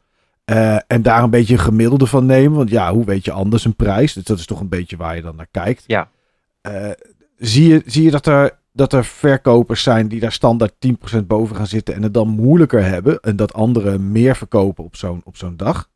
Ehm, ik zie zelf wel prijsverschillen, maar ik, uh, wij maken aan het eind van de beurs maken we ook altijd nog een rondje bij alle standhouders. En Mhm. ja, het klinkt als een, het is geen schouderklopje of zo, maar ik, ik hoor altijd van standhouders dat ze super tevreden zijn. Oké. Eh, ja, het is, ook, het is ook wat verwacht je. Hè? Je weet dat je niet alles verkoopt. Meestal heb ik het gevoel dat er niks is weggegaan, maar dan zit er toch wat in mijn portemonnee. Ja. maar ehm, eh, ja, natuurlijk zijn er prijsverschillen. Maar het kan even goed zijn dat een particuliere verkoper heel erg gehecht is aan zijn collectible die daar ligt. En dat hij misschien wel meer vraagt dan die handelaar. Die er uiteindelijk ook weer van af wil. Snap je? Ja, ja, Dus- ja, ja, dus ja. ja. Dat, dat is niet altijd de handelaar die dan de ergste is, zeg maar. Het kan evengoed ook andersom zijn. Het is net hoe iemand. eh, en je kunt dingen ook fout opzoeken op eBay. Dus het is zeker ook voor bezoekers raadzaam om te doen wat jij net zegt. Van doe wel, doe je research. Eh, het, en, en niemand, geen enkele handelaar vindt het erg als jij dat eh, voor zijn neus gaat staan opzoeken. Want ja, dat hoort bij deze hobby, toch? Zeker weten. Ja, ja, ja, ja, ja. ja. Hey, even terug naar de beurs. Je hebt een datum, heb je, je hebt, want je hebt het afgesproken met vrijwilligers, Ja. met eh, de zaalhuur. Nou ja, dat is allemaal in orde. Zijn er dan nog andere dingen waar je aan moet denken? Moet je iets regelen met de gemeente, met politie en brandweer en dat soort zaken? Heb je daar ook nog mee te maken? Nee, in principe niet. In principe is de locatie is vergunninghouder eh, voor, voor dat soort evenementen natuurlijk. Ja. Eh, dus, dus in dat geval hoeven wij daar niks voor te doen. Ik neem aan dat het bij andere locaties ook zo is. Ja, en ik vroeg het me af, omdat je natuurlijk, als je bijvoorbeeld de Bonami-beurs in, in Apeldoorn nam, goed, daar weten we allemaal niks van. Ze hebben ook niet gereageerd. Ik heb ze wel gecontact. Ja, Ehm, ja, dan heb je, dat was natuurlijk in een sporthal. Ja, weet je, en dan, dan mag dat natuurlijk wel zo'n evenement. Maar ik denk, ja, is daar nog iets wat je, wat je, wat je daarvoor moet doen, zeg maar? Omdat je natuurlijk toch, je krijgt toch, eh, weet ik veel, duizend mensen of, of 1200 of weet ik wat, krijg je op een dag binnen. Dat is toch best wel een hoop mensen bij elkaar op een kleine ruimte. ja nou, daar zijn, wel, daar zijn wel gesprekken over. Die hebben wij al lang gehad in het begin, zeg maar. Dus dat herhaalt zichzelf niet al door. Maar eh, een locatie heeft een bepaalde capaciteit. eh, die Mhm. veilig is. Als jij zo'n tekening maakt, en dat zal in een gymzaal ook zijn, maar het is misschien wat makkelijker. Dan moeten wij wel rekening houden met nooduitgangen, waar eh, brandslangen hangen, en al dat soort dingen. Waar, waar mag wel wat staan en waar niet. Ja, wat zit er een max aan hoeveel mensen jij eh, op, op, tijdens de beurs in Zwolle naar binnen mag laten? Ja, volgens mij is de locatie ingericht op zo'n 1300 tot 1500 personen. Dus wij, Oké, wij, tegel- tegelijkertijd. ja, dus Oké. wij, wij kunnen daar ook niet echt verder groeien. Nee, maar ja, 1300 mensen staan er nooit 's ochtends om 10 uur voor de deur. Nee, nou, maar er staan vaak wel, eh, dus elke keer weer spannend, maar er staan vaak wel 150 à 200 mensen. Ja. Dus, Die dan eh, in één keer de zaal binnenstormen. die achter me, ja, nou ja, ze moeten eerst een kaartje kopen, maar Ja, ze gaan enigszins eh één voor één naar binnen. Ja, ja, ja. Hey, catering. Dat is natuurlijk altijd aanwezig. Mensen moeten een broodje kunnen kopen, een, een bakje koffie, eh, zeker Niels. ja. Eh, en ik een broodje kroket. Is dat, is, doet de, de, de, locatie dat bij jullie regelen? Verdien je daar iets aan? Of is alles voor de locatie? Hoe werkt dat? daar verdienen wij niks aan. De locatie regelt zelf. eh, ja, bij ons hebben ze, hebben ze een bar intern. En eh, wij, wij eisen wel dat zij een, eh, iets van een frietkraam inhuren. En Dat, eh, wij hebben elke keer dezelfde. Ja, die staat voor de deur, hè? Ja, die man is ook altijd heel blij dat hij weer mag staan. En wij willen ook altijd dezelfde hebben. Want ik, krijg, ik moet wel bekennen dat ik dan, omdat we hem weer hebben geregeld, dan soms wel eens een gratis frietje krijg. Maar eh, Mm, mm, dus mm, dat, dat mm, verdien ik er mm, ook mm. nog mee. Maar Ja, ja daar gaan we al. Daar gaat je winst. Ja, ja, ja, ja. En ik heb laatst een sigaret van hem gebiedst, want ik had niks meer. Oh. Maar ehm, nee, dat, dat regelt de locatie. En dan moet je je voorstellen, ik weet wel hoe dat werkt. De locatie die verdient daar dan ook nog weer aan dat eh, hij daar mag staan. Hij moet zich inkopen om daar te mogen staan. Ja, ja, dat is altijd zo. Dus op foodtruck festivals Ja, en ja. dat soort dingen ook. En wij, en wij hebben echt minimale invloed op, eh, op, op wat de catering verder biedt. Wij hebben, we hebben wel eens commentaar geleverd op wat er, eh, wat er zoal is. Van goh, kan je Ja. dat nou misschien voor zo'n beurs niet meer eh gamer gerelateerd doen? Of eh, in plaats van bepaalde drankjes die vrij duur zijn, kan het, mag het iets simpelers en dan goedkoper. Maar daar hebben wij Ja. heel weinig invloed op, helaas. Oké. Maar stel nou, hè, stel dat er de volgende beurs, ik hoop het niet voor jou, ik hoop het voor niemand trouwens die een beurs organiseert, Ja. dat er maar 400 man komt. Dan verkopen ze aan catering natuurlijk veel minder. Ze hebben wel mensen staan omdat ze verwachten dat er misschien weer 1200 komen. Ja, Z- zijn daar afspraken voor dat jullie dan de sjaak zijn en dat je moet gaan bijbetalen? Of is dat gewoon het verlies wat zo'n locatie dan gaat nemen? nou nee, dat kan ervoor zorgen inderdaad dat, eh, dat zo'n locatie zegt van ja, wij, wij, wij willen dit eigenlijk niet meer doen voor dit bedrag. Want wij houden er eh, qua, qua, qua horeca en zo houden wij er niet genoeg aan over om dat voor onszelf te, te verantwoorden. Dus eh, het mag nog wel een keer, maar dan gaat de prijs omhoog. Ja, ja, dan en- moet je en- gewoon meer voor de zaal betalen. Ja, dat gebeurt ook. Dat gebeurt niet van, van keer op keer of zo. Dat ze dat op die manier analyseren. Maar er wordt wel degelijk gekeken van, is dit voor hun zinvol? Ja. ja. Drink je genoeg koffie, Niels, op zo'n beurs? Eet je wel eens een broodje? Want ja, anders dan zijn ze er straks niet meer. Ik drink af en toe koffie. eh, eh, met name het liefst eigenlijk als Marks Kemp ze betaalt. ja, dat is het lekkerst, hè? Ja, maar ik ga Dat is ons maar één keer gelukt, toch? Ja, dat was één keer geluk. Maar dat was ook de eerste beurs dat hij eh, na luisteren van de podcast volgens mij naartoe kwam. Ja. Tenminste, in Zwolle. Waar, waar die wist dat wij ook waren. Ja, in Zwolle was dat, ja. Ja. Ehm, maar ik, bijna altijd ga ik ook wel iets bij de catering halen. Ik kom meestal rond de middag. Eh, daarom was ik ook benieuwd naar hoe zo'n ochtend er dan uitziet. Wanneer mensen binnen gaan druppelen en hoe dat dan ervaren wordt, zeg maar. Ik ben meestal, ook al had ik er om negen uur makkelijk kunnen zijn, ik kom wel rond een uur of twaalf. Maar dan krijg ik ook wel weer honger en dorst. Dus die catering, dat is voor mij ook wel een belangrijk aspect inderdaad. En zonder catering, ja, moet ik toch iets gaan zoeken in de omgeving. En als het vaak op zondag is, rond die tijd, dan is er ook niet heel veel. Dus het- Nee. ik stel het in ieder geval op prijs. Ja, het hoort erbij, toch? Ja, dat denk ik ook. Ik heb ook een vraag in eh, de trant van eh, Mike. Ja. En misschien gaat hij iets, eh, iets te ver of eh, is hij te complex. Maar ik was benieuwd hè, of dat er ook dingen geregeld zijn als aansprakelijkheden bij. Als je bijvoorbeeld eh, een verkoper bent en een bezoeker laat per ongeluk een heel duur item van jou vallen. Is de verkoper dan aansprakelijk? Of moet die bezoeker dan betalen? Of laat je het hun zelf maar uitzoeken? Nou, dat regelt. Verdorie, Niels, je kaapt gewoon mijn vragen. Echt? Maar Oh, heel is dat goed. zo? Oké. ja, ik had het wel staan, toch? Maar nee, ja, daar was ik ook wel benieuwd naar, inderdaad. Nou, ik denk dat je dan in principe je eigen aansprakelijkheidsverzekering kunt, eh, kunt, eh, kunt eh, contacten. Eh, Ja. Dat is een beetje het risico van het vak. Maar dat komt er dan weer op terug wat ik net zei. Ik, ik neem geen items mee die ontzettend duur zijn. En Nee. ik denk dat als je dat wel doet, dan moet je misschien zorgen dat je een bepaalde vitrine bij je hebt of zo, waar je dat in kan zetten. Als jij als handelaar eh, dingen op tafel legt waar mensen aan kunnen zitten die, die heel erg prijzig zijn. Ik bedoel, het is niet een beurs voor alleen maar verzamelaars. Er komen ook kinderen. Ja. Dus ja, nou, dat is ook wel een, dat is wederom common sense en ehm, ja, een beetje risico van het vak. Maar dat gebeurt in winkels natuurlijk ook. Dat je dingen kunt laten vallen of eh, ja. Nee, we hebben natuurlijk wel eens een keer een verhaal gehoord van een verkoper. Ik ga geen namen noemen, maar als ik het verhaal begin, dan weten we allemaal Dan noem ik de naam. wie het is toevallig. Ehm, ja, die redelijk wat verkocht had, geld in zijn portemonnee had, die onder een tafel had gelegd of zoiets. Ik weet niet meer precies waar die lag. Ja. En dat bleek in één keer weg te zijn. Ja, Ja, als dat gebeurt, ja, dan is dat is gewoon risico van het vak en je eigen stommiteit, denk ik, of niet? Ja, dat klinkt heel hard en lullig, maar dat is wel een beetje het risico. En eh, het is ook niet verstandig om eh, af en toe rond te roepen hoeveel je verdiend hebt, denk ik. Nee.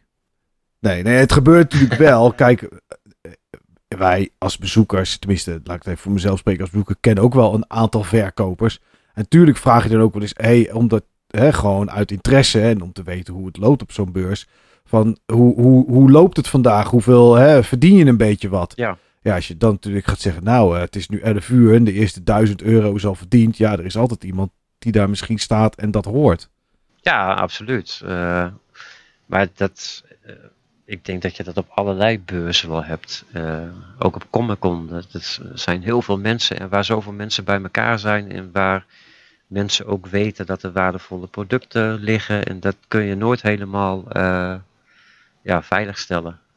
Nee. Hè, we, hebben ook, we hebben ook beurzen gehad waar nepgeld in omloop was. En dat, dat, kan, Dat was dan niet bij ons, maar dat kan even goed bij ons gebeuren. Dat zijn hele nare dingen voor uh, de organisatie, maar ook voor de standhouders. En, maar ja, dat gebeurt. Uh, wat dat betreft is het Ja. een afspiegeling van de samenleving. Ja, ja, ja, en dat is natuurlijk, het nepgeld is natuurlijk helemaal lastig te testen op zo'n beurs. Ja, nou de meeste handelaren hebben wel eh, pennen en, eh, en, en, en, en dingen stiffies. bij zich om dat, eh, om dat te kunnen testen. Maar ja, soms is het ook heel druk en dan, dan lukt dat even niet. En ja, ja dat gebeurt. En dat Ja, is, eh, dat is jammer, maar ja, er, is, er zijn altijd, je moet er altijd rekening mee houden dat er een paar rotte appels aanwezig zouden kunnen zijn. Ja. Die, eh, die- Zelfs die 5 euro entree houdt dat niet tegen, Jur. nee, ja, dan moeten we er eh, 8 euro van maken en dan zetten we de beveiliging neer en zo. Heb je er wel eens aan gedaad? Nee, zeker. Nee, er is altijd een, eh, een, een, een veiligheidsmedewerker aanwezig eh, bij ons, Oké. in ieder geval. En eh, dat, eh, dat ben je ook verplicht. Dat, eh, dat regelt Dat is eh, van de locatie zelf uit ja, dan? van de locatie zelf uit. En ehm, ja, we, letten natuurlijk allemaal op. En eh, je mag ervan uitgaan dat eh, de meeste organisatoren hebben ook wel bepaalde mensen in de smiezen in die zin, zeg maar. Als er, eh, als er een keer ergens een voorval is gebeurd door eh, Jantje of Pietje, dan, eh, dan zijn wij ook nog wel zo collegiaal dat we dat met elkaar delen. Hmm, ja, ja, ja. Maar je hebt geen, eh, geen stille rondlopen tussen het publiek. Ja, misschien, Zeg maar. misschien wel. nou, ja, nee, nou, ja. wel, wel in de zin van dat wij zelf ook wel rondjes lopen en mensen hebben rondlopen Ja. die ook eh, bekijken of er bijvoorbeeld nep spullen worden verkocht. Want ik weet niet of die vraag nog komt, maar dat is ook wel iets waar wij eh, in ieder geval heel erg op letten. Nou ja, ik had het er wel tussen staan inderdaad. Hoe waarborg je zeg maar dat er ook een beetje kwaliteit ligt. Daar hoort dit natuurlijk ook een beetje onder. Ja, Eh, ja, nepspullen. Hoe, maar dat is super moeilijk natuurlijk. Hoe, als er zoveel ligt, wie haalt die nep Pokémon Yellow ertussen uit? ja dat is super moeilijk. Ik denk dat eh, in ieder geval David en ik een nepper wel herkennen. In ieder geval eh, AliExpress rommel en eh, ja, dat soort, dat soort dingen. Maar een, een repro bijvoorbeeld, of een reproductie van een game die alleen in Japan is uitgebracht, maar nu met een Engelse vertaling op een, op een PAL cartridge is uitgegeven, dat vind ik geen nepper. Ik vind het wel, net, Nee. ik vind het wel netjes als je dat ook erbij vertelt. Hè? Want die Ja. heeft in mijn ogen dan geen verzamelwaarde, maar wel speelwaarde. Mhm. Maar wij, wij, eh, wij controleren wel altijd op eh, neppe Pokémon kaarten, eh, reproducties die je veel op AliExpress en tegenwoordig ook op eBay ziet. Dat, Maar dat is toch bijna niet te doen, joh. Ik heb hier, Nee, dat ik heb is hier niet. één of twee, één of twee GBA-games liggen die aan de binnenkant niet... Volgens mij horen GBA-doosjes aan de binnenkant wit te zijn. Ja. Van het, van het karton. Deze zijn grijs. Die heb ik ooit eens een keer, weet ik veel, voor 2,50 of zo tijdens Koningsdag gekocht. Dus het zal mij jeuken. Maar dat is toch niet te doen om dat soort dingen allemaal te checken? binnenkant van doosjes niet, maar we, we hebben er toch afgelopen beurs ook wat dingen tussen uitgepikt en eh, netjes Maar verzorgd. wat doe je daar dan mee? Nou ja, dat moest gewoon eh, van tafel af. Dat moet dan eh, weg. En in dit geval wist de standhouder had het zelf niet door. En dat verschilt natuurlijk ook hè, van handelaar tot handelaar. Ja. Maar wij Ja. proberen daarop te monitoren om het in ieder geval zoveel mogelijk te voorkomen. Maar helemaal voorkomen kan niet. Maar wij doen ook een oproep eh, bij de uitnodiging. Wij versturen een uitnodigingsmail. Er staan wel degelijk een aantal spelregels in. En eh nepproducten is daar zeker één van. Ja, ja, ja. Want je ja, moet ook de, de, wat ik net zei, eh, jullie zijn doorgewinterde verzamelaars, dus jullie, jullie zullen dat wel herkennen. Maar wat ik net zeg, er komen ook mensen gewoon die nieuw zijn in de hobby of die eens willen kijken wat het allemaal is. En eh, ik, heb, Ja. ook, ik heb ook wel eens klanten in de winkel gehad die op een beurs dan wat hebben gekocht en dat bleek dan later nep eh, te zijn. En eh, ja, dat is lullig, dus dat moet je zien te voorkomen. Niet iedereen weet Ja, dat. want dat is. Nee, want dan, als je natuurlijk een bezoeker bent die, die niet doorgewinterd is. en blijkt dat hij iets nep heeft gekocht, dan heeft hij namelijk niet iets nep gekocht bij verkoper ABC. Ja. Die heeft iets neps gekocht op de beurs in Zwolle. Ja, ja, nou ja, dat, en dat, dat eh, ja, om het heel eh, cliché te zeggen, dat doet ons pijn. Dat straalt op ons af. Dus wij voelen wel de Ja. verantwoordelijkheid om daar in ieder geval op te controleren. Maar dat gaat het er ook voornamelijk om. Het ging hier om twee cartridges en ze zagen er ook best wel echt uit. Dus ik, kan me, ik neem het de standhouder ook niet kwalijk of zo. Maar het is meer om te scannen dat er niet iemand staat die alleen maar eh nep, Nee, nep Pokémon kaarten verkoopt. Of die dat echt bewust doet. Ja, ja, ja. Want ja, dat, dat schaadt jouw reputatie. over reputatie gesproken. eh, hoeveel promotie doen jullie voor de beurs? En, en hoeveel procent van je budget is dat, zeg maar? Weet je, hoeveel, hoeveel doe je? Wij doen niet superveel promotie meer. Bij de eerste gingen wij echt langs, eh, langs winkels in de regio. Gingen wij flyeren en posters ophangen. En hebben dat heel breed gedaan. Tegenwoordig doen wij eigenlijk alleen nog maar een, eh, een Facebook advertentie. En dan eh, met zoveel kilometer om, om Zwolle heen. Mhm. En ehm, ja, de, de community is ook zo dat die dat onderling deelt. Ja, Ik promo- ik promote het natuurlijk wel in mijn eigen winkel ook. Ik heb ook echt wel klanten die Zeker. vanuit Appingedam naar Zwolle komen naar de beurs. En, ehm, maar ja, we hadden de laatste keer 1100 nog wat bezoekers. We mogen ook niet heel veel meer hebben, dus we hoeven ons ook niet dood te promoten. Het, het, is, goed, Nee. het is goed zo. ja, ja, ja. Dus meer promoten niet doen, want straks komen er 500 mensen meer en dan kan het dus niet. Nee, want dan heb ik boze mensen buiten staan die niet naar binnen mogen. Ja, ja, ja, ja, dat schiet helemaal niet op. Nee. Hey, ik heb gehoord eh, Arcadium. Leslie, die er staat. Ik hoorde je al even zeggen loterij. Ja. Ehm, zijn er meer dingen die jullie doen, zeg maar, als vermaak eromheen? Of als extra's buiten alleen maar tafels met spul wat te koop is? Ja, omdat eh, de eerste keer Zwolle is, was voor ons veel eh, moeilijker dan, eh, dan, dan dat, het nu is, zeg maar. We weten nu veel beter waar we mee bezig zijn. Dus we, ook qua het intekenen van de layout, zeg maar. Dus wij doen, Ja. wij doen ook eh, tegenwoordig wel oproepen van, joh, als jij een arcadekast mee kan nemen, dan zorgen wij ervoor dat je daar plek voor hebt. Ik bedoel, dat hoef je niet voor te betalen als standhouder dat je dat ding daar wil neerzetten. Dus wij, eh, wij, wij vragen daar wel om. Maar dan vraag je eigenlijk wel om goodwill van de, van de standhouder die het leuk vindt om die extra ervaring naar zo'n beurs te brengen. Ja, ja. ja Want ja. als jij extra entertainment wil hebben staan, dan betaal je daar heel veel geld voor. Hè, ik, eh, ik, hoor dat, eh, ik hoor dat natuurlijk eh, wel eens. Van ja, kunnen jullie niet arcadekasten daar neerzetten of flipperkasten? Maar bedenk je dan ook even dat die dingen vervoerd moeten worden. En ehm, ja, dat is, dat is niet goedkoop. En daar moeten dus ook mensen mee die dat. eh, en iemand moet dat überhaupt al eh, toe bereid zijn om dat voor één dag te doen. Ja, eh, je hebt iemand nodig die daarbij loopt. Zeker met flipperkasten. Want Ja, die gaan, ja, je hebt natuurlijk nog die ermee gaan lopen gooien. dat. Dus je neemt een risico met dat ding überhaupt al. Dus Ja. ja, dat, dat, dat, is, eh, dat, dat klinkt allemaal heel leuk. En dat zou ik ook super gaaf vinden. Maar ja, dan ben je toch een beetje overgeleverd aan de goodwill van de standhouder. Of die dat eh, wel of niet meeneemt. De afgelopen editie stond, eh, stond wel een, eh, stonden wel twee arcadekasten. En dat, Mhm. dat is gelijk cool. Maar ja, dat is, dat is heel ingewikkeld. En dat kunnen wij zelf ook niet zo 1, 2, 3 regelen. Daar is eigenlijk ook geen budget voor. Nee. Hoe jammer dat Ja, ook kan is. wel. Maar dan, dan, dan, moet je, dan moet je entreeprijs een stuk hoger. Ja, dan zou, ja, dan zou je de, de, de stands duurder kunnen maken. En dan zou je dat eh, kunnen, kunnen doen. Ja, wat ook jammer is Ja. van de locatie, is dat je daar weinig ruimte hebt voor cosplay bijvoorbeeld. Zou je daar wel meer mee willen doen? Want eh, het is natuurlijk een logische vraag. Oké, je, hebt, je hebt Arcadium. eh, Je hebt, nou ja, als je geluk hebt, neemt iemand een arcadekast mee. Je hebt een loterij.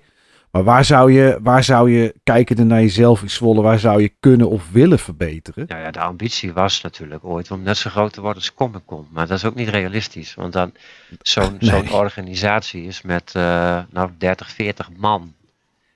Ja. En dan heb je het echt over uurlonen. En dan heb je het ook over, eh, over tafelprijzen in de honderden, al dan niet duizenden euro's. Want dat is wat jij op een normale, of nou ja, normale, maar op een Comic Con-achtige beurs betaalt als standhouder. En ik, dan weet ik niet eens wat, eh, wat de intreekaarten kosten. weet ik van Gameforce trouwens ook niet. Maar dan, dan heb je het over hele andere getallen. En dan heb je inderdaad budget om dat soort dingen neer te zetten. Maar wij hadden in ja, de, in de dan verwachten mensen ook andere, met andere dingen. Hè? Bij Comic Con verwachten ze dat eh, Face uit het DA-team er is en dat de, de Nou ja, bijvoorbeeld. One er staat waarmee ze op de fake. Ja, maar- op de, Maar die komen ook echt niet gratis. Nee, zeker niet. Zeker niet. Alleen ja, weet je, dan verwachten mensen dat soort dingen. Ja, Ja. Dan, dan wordt alles duurder. Ik weet, niet, ik weet inderdaad ook niet wat entry is, maar het zal geen 5 euro zijn. Zo simpel is het in de jaarbeurs. Ja, precies. Maar eh, eh, dat soort entertainment, dat daar hangen gewoon gigantische prijskaartjes aan. Daar zijn wij er zelf ook wel van geschrokken. Tuurlijk kijken wij daar wel naar. En, maar dat is eigenlijk, eh, ja, je bent eigenlijk een beetje overgeleverd aan, aan liefhebbers die dat dan voor elkaar doen. En we hadden dat in de IJsselhallen op zich wel leuk met, uh, met cosplay en zo. En dan kun je ook een wedstrijd bedenken. En we hadden daar ook mensen voor die het leuk vinden om dat te leiden. En dan komt daar dus heel veel liefde bij. En dan doe je dat vanuit een bepaalde passie. Alleen, ja, de IJsselhallen hadden qua uitstraling niet dat wat we wouden. En ik heb, wij hebben toen ook begrepen dat de IJsselhallen uh, zouden gaan verdwijnen. Volgens mij zijn ze er op dit mhm. moment nog wel, maar ze zouden gaan verdwijnen. Dus lange termijn was dat voor ons ook niet zinnig om dat plan dan. Daar had dan heel veel tijd in moeten om dat verder uit te werken, verder invulling te geven. En uh, omdat wij toen al wisten dat het zou gaan verdwijnen, hebben we ervoor gekozen om dat niet te doen. Nou, een maand later kwam er trouwens corona, dus dat heeft ook allemaal stilgelegen. En je, je moet je dan bedenken dat uh, in die 2,5 jaar corona zijn wij, uh, ik, ik, spreek dan voor mezelf, ik ben volledig afhankelijk geworden van uh, mijn winkel en uh, de website. En beurzen ja. waren helemaal verdwenen uit mijn economisch landschap überhaupt. Ja. dus het heeft, het heeft er ook, het, het, nou ja, we, eigenlijk wilden we Zwolle ook niet weer doen. Want we hadden de, okay. IJs, de IJsselhallen was voor ons eigenlijk, ja, dat, dat zouden we niet gaan herhalen. Maar het, het, het, het was we kregen af en toe de vraag van, komt, komt Zwolle terug? En dat, nou, dat vraagt wel een beetje aan ons. En uh, we, we, hadden zelf ook het gevoel dat we met de IJsselhallen niet op een juiste manier waren geëindigd, zeg maar. We vonden het jammer om mhm. Zwolle daar te laten stoppen, want het is toch ook een beetje je kindje. En het ja, is, tuurlijk. Het, het gaat niet om het geld, maar het is wel verdomde cool dat daar zoveel mensen op afkomen die, uh, die je op zo'n dag dan ook lol ziet hebben. En aan het eind van de dag hoor je standhouders die blij zijn. En ja, als dat dan uiteindelijk niks heeft gekost, dan is dat gewoon super cool.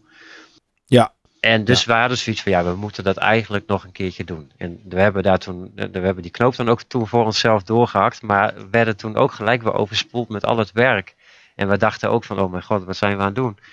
Want dat, was, uh, dat ging dwars door de zomerperiode heen. En dan is, uh, nou ja, in ieder geval mijn fysieke winkel ook, dan is het eigenlijk heel erg druk. Dus ik denk dat het met, met wat ik op een zaterdag in de winkel draai en wat ik op een zaterdag dan op zo'n beurs ophaal, heeft het eigenlijk financieel geen zin om op zo'n beurs te staan. Dan moet je dat echt doen voor het netwerk, voor de sociale contacten. En, ja. Want ja, het, je schiet er eigenlijk financieel niet zo heel veel mee op. Dus voor jou onderaan de streep blijft misschien een paar honderd euro over als het goed loopt en er komen genoeg mensen aan het organiseren, die je dan ook nog eens moet delen. Ja. Uh, en wat je op de winkel dicht en daar staan op die beurs, is qua omzet, komt redelijk overeen eigenlijk ja, financieel technisch is het eigenlijk gewoon eigenlijk dom, zeg maar. Dus misschien doen wij iets niet goed en moeten we het nog veel duurder maken of zo. Maar, ja, dat weet ik niet. Nou ja, je hebt net, uh, je hebt net uh, de bedragen gehoord van, uh, van je collega in, in België. Ja, dat zit hem ook echt wel in, een, in het type hal wat je wil hoor. Ik denk dat een, een, een sportsal is, is goedkoper, alleen daar komt dan weer taalverhuur overheen. Maar op die manier zou je goedkoper kunnen, maar dan heeft het voor ons niet meer de uitstraling en dan hoeft het voor ons niet. Nee. Uh, ik weet, ik, ik ben zelf natuurlijk gamer en verzamelaar geweest. En ik heb jarenlang op Palrox en op Butterbashers gezeten. En ik weet alle nostalgische verhalen van hoe wij allemaal eigenlijk die sfeervolle ruimte van Bonami missen in Apeldoorn. Ja, die eerste inderdaad. Ja, ja, dat was gezellig. En, en, en later in Deurne, dat kreeg heel veel kritiek. Maar later toen Deurne verdween, was het toch van, ja, dat was toch wel leuk hè, met die zaaltjes. En dat je dacht van, nou, ik heb alles gezien. En dan liep je een gang in. En dan zag je ineens weer zo'n hok van, nou, hier is nog veel meer joh. En ja. hè, dat. Nou ja, dat romantische gevoel, dat wilden wij terug. Dus wij willen per se die locatie. En dat kon dan alleen op zaterdag. Dus dan moest ik mijn dag daarvoor opofferen. Dat is ook de reden dat het nou, we gaan het nu niet meer in de zomer doen. We gaan het in februari doen. Want dan ga En dan één, één per jaar maar? En dan gaan we één keer per jaar doen. En nou ja, neem van mij aan dat als we dit voor het geld zouden doen, dan zouden we de vier per jaar doen. Want ik bedoel, het, draai, het draaiboek ligt klaar. Dus als je zou willen, kun je dat uitmelken. Maar dat, daar gaat het niet om. Bij, ik snap uh, het. Ik zet gelijk in mijn agenda, retrobeurs Zwolle, want ik, ik doe toch niks met namen. Zaterdag 25 februari. Ja. Ja, als het er maar één per jaar is, dan moet ik wel even komen kijken. Nou ja, ik denk dat het dat ook leuker is. Uh, bovendien is, hè, er zijn er in principe genoeg in Nederland. Dus uh, daar, daar gaat het ja. niet uh, per se om. Maar nee, dat is echt een afweging. Dat, zomers is er lokaal bij ons ook gewoon heel veel te doen. Appingedam is ook nog een toeristenstadje. En uh, wij hebben ook heel veel activiteiten. Ik zit ook in de winkeliersvereniging en wij organiseren ook heel veel in ons uh, pittoreske winkelcentrum zelf. Dus daar ben ik dan ook druk mee. En dat loopt allemaal door elkaar heen. En dat was eigenlijk heel slecht te combineren voor ons. Ja, ja, dat snap ik. Hey, innovatie, zou, zou dat nog iets zijn wat mogelijk is op dit soort beurzen? Ja, Kunnen, uh, weet ik veel, dan zou je zuilen neer kunnen zetten waarbij iedereen als die binnenkomt uh, zijn games scant, zodat je weet wat er te vinden is op de beurs. Ik noem maar even iets raars. Zou er iets zijn dat je denkt, ja, hier zouden we in kunnen innoveren? Uh, Nou ja, dan, dan zou je die zuilen moeten betalen. En dan zou je een app moeten maken. Die, maar wij nee, ja, ja, het is maar een voorbeeldje. Hè? Weet je, als, als je natuurlijk gewoon denkt van... hé, hey, weet je, je organiseert het, je staat er. Wat zou, wat zou nog aan innovatie kunnen op zo'n beurs? Ja, ervaring. Ik denk dat het een... een maar ja, dat is, dat is ook iets... Dat zou je misschien een keer aan Leslie moeten vragen. Niet dat ik dat op hem af wil schuiven, maar ik denk nee, dat, nee. Zijn, dat is zijn tak van sport. Van hoe kan ik dit uh, ervaringszaaltje nog leuker maken. Maar voor, voor jou als, als standhouder, zeg maar, eh, of, of als organisatie, zijn er dingen dat je denkt, oh, dat zou ik wel echt heel graag willen, maar het is gewoon niet mogelijk, of het is te duur. Nou, ik zou, ik zou heel graag dat deze locatie uh, ruimte had voor cosplay en dat je daar een wedstrijd omheen kunt bouwen met een jury. Ja. En, uh, ja, dat Hengelo doet dat, maar dat was de afgelopen keer uh, mondjesmaat, vond ik, wat daar was aan de cosplay. Nou hoeft het voor mij ook niet, maar to iets is own, zeg maar. Ja, nou ja, het is natuurlijk ook iets voor die grote beurzen. En die zijn er, uh, naar mijn gevoel, ook steeds meer. Uh, de Comic Cons en nu ook Gameforce en in Nederland. Um, ja, dat is echt een ontmoetingsplek voor, voor cosplayers. Ja. Dus ik weet ook niet of die dat. Nou, ik weet dat ze. Wij hebben het toen ook in Groningen gedaan. En ik weet dat er. Uh, uh, dat daar wel echt uh, een grote groep mensen was die dat super leuk vonden. Want ook vanuit Groningen moeten wij gewoon altijd ver reizen om naar dat soort locaties toe te gaan. Dus het ligt er misschien ook net aan waar dat je dat doet. Ja, en, ja, uh, en ook uh, aan de connecties die je hebt. Want ik denk dat er best wel mensen zijn die dat uh, super leuk vinden. Ook oh, zeker wel. Maar dat is ook iets wat we toen in Groningen hebben gedaan. Dan, dan eigenlijk, als je dat goed wil doen, dan moet jij ook cosplayers uitnodigen. En die moet jij ook betalen. Ja, want, om ervoor te zorgen dat er mensen komen en dat die mensen weer andere mensen meetrekken. Ja, dan moet je inderdaad hopen dat die weer mensen meetrekken. En dan, dan gaat dat balletje hopelijk vanzelf rollen. Maar ja, dat, dat is ook weer iets wat eigenlijk geld kost. Mensen denken dat dat allemaal. Niet alles komt zomaar, zeg maar. Dan moet je wel echt. Nee, niet komt het aanwaaien. Nee, nee, nee. Maar. En qua, nou, qua innovatie, ik denk dat juist ook de charme van zo'n beurs of markt, of, of hoe je het wil noemen, dat dat is dat het lekker oudbollig uh, een beetje een rommelmarkt is. En dat je niet weet wat daar is. En want volgens mij is dat, dat... vind ik wel, maar... Dat verdwijnt toch ook een beetje, toch? Rommelmarkten. Uh, ja, minder. De, de wat kleinere, dat gaat, dat ebt wel een beetje weg. Je ziet toch met, dat mensen niet zoveel zin er meer in hebben... of dat ze het gewoon naar een kringloopwinkel brengen. Ja, precies. Uh, dat merk ik. Mijn schoonmoeder heeft een kringloopwinkel. En uh, ja, goed, als ik zie wat daar allemaal naartoe gebracht wordt dan is dat, uh, ja, dan is dat best wel veel. En als je ziet, zodra die een beetje populair worden, mensen die weten te vinden. Ik, ik hoor natuurlijk wat ze daar verdient. Dat maakt voor de rest niet zoveel uit. Maar dat is dan toch na een half jaar, drie kwart jaar, zoiets op deze locatie waar ze nu zit, is dat, is dat dan toch verdubbeld. Ja. En dan, ja, dan weten mensen je te vinden. En dan uh, ja, komen mensen ook een hoop spullen brengen. Ja, ja, ja, dat is wel zo. Zou er voor jou iets zijn, Niels, dat een beurs meer zou kunnen doen of beter of innovatie waardoor het aantrekkelijker is? Ja, dat weet ik niet. Ik denk dat, dat Jurm misschien wel gelijk heeft dat een beurs al aantrekkelijk is, omdat het geen gigantisch event is. Met, uh, met, een, met een identiteit en een huismerk en dergelijke. En ja, het voelt misschien wel, ik bedoel, een, een Bonami-beurs voelt anders dan een Zwolle-beurs. En een mm Deurne voelde ook anders. Maar ik heb niet het idee dat er een hele bewuste marketingstrategie of zo onder ligt. En ik denk als het zo zou zijn, dan vraag ik me af wat het dan oplevert. Want de, ik denk dat het kunnen ontdekken, zeg maar, ik ga, ik ga ook niet naar de beurs van ik ga nu gegarandeerd dit en dit en dit kopen. Want eh, je weet niet of dat het er ligt. Nee. Nee, nee, dat weet je ook niet. En dat is juist het, de charme ook van zo'n beurs. Dat je niet weet wat je tegen gaat komen en dat je soms verrast wordt. En ik ga vaker met dingen naar huis waar ik helemaal niet naar op zoek was, dan met dingen waar ik wel naar op zoek was. Ja, ja tenzij je voor Super Mario Bros. 1 gaat eh, voor de NES, dan weet je zeker dat die er ligt. Ja. Maar zodra je een beetje een collectie hebt, ja, dan, dan, dan is dat zo. Maar zou dat ook, hè? Stel Niels, stel eh, je hebt een, een beurs zoals Zwolle of als Tilburg of als Schiedam of noem maar op. En je zou dat afzetten tegen zoiets wat zo groot is als Gameforce of Comic Con. Ik persoonlijk zou niet naar een retrobeurs gaan om iets te kopen dat de omvang heeft van Comic Con. Want ik weet zeker dat mijn, uh, uh, hoe heet het, dat mijn uh, Dead Space 3 voor de Xbox 360, waarvan ik nu gerekend heb dat die ongeveer zo'n 20 euro is, die ik nog een keer wil hebben. Ja, dat, die zal daar waarschijnlijk 40 kosten, voor mijn gevoel. Dat omdat komt, die, de beurs gewoon veel groter is Nou, en veel meer dat- uitpakt. Dat komt door die tafelprijzen. Die standhouders. Nou ja. wij, wij hebben er ook wel naar gekeken. Naar bijvoorbeeld eh Comic Con. Maar als ik daar wil staan, dan moet ik dus in een weekend moet ik thuis dicht. Dan moet ik iets van eh 2500 euro betalen voor een beetje fatsoenlijke stand. Ja, als je dan, als je dan Mhm. zou willen zeggen dat ik mijn handel verdubbel, wat niet zo is, maar laten we dat zeggen. Dan moet ik dus al voor 5000 euro spullen verkopen om überhaupt mijn tafels terug te verdienen. Ja. Dan heb ik zelf eigenlijk nog geen cent verdiend. Dan eh, zit ik met vervoer, ik zit met personeel.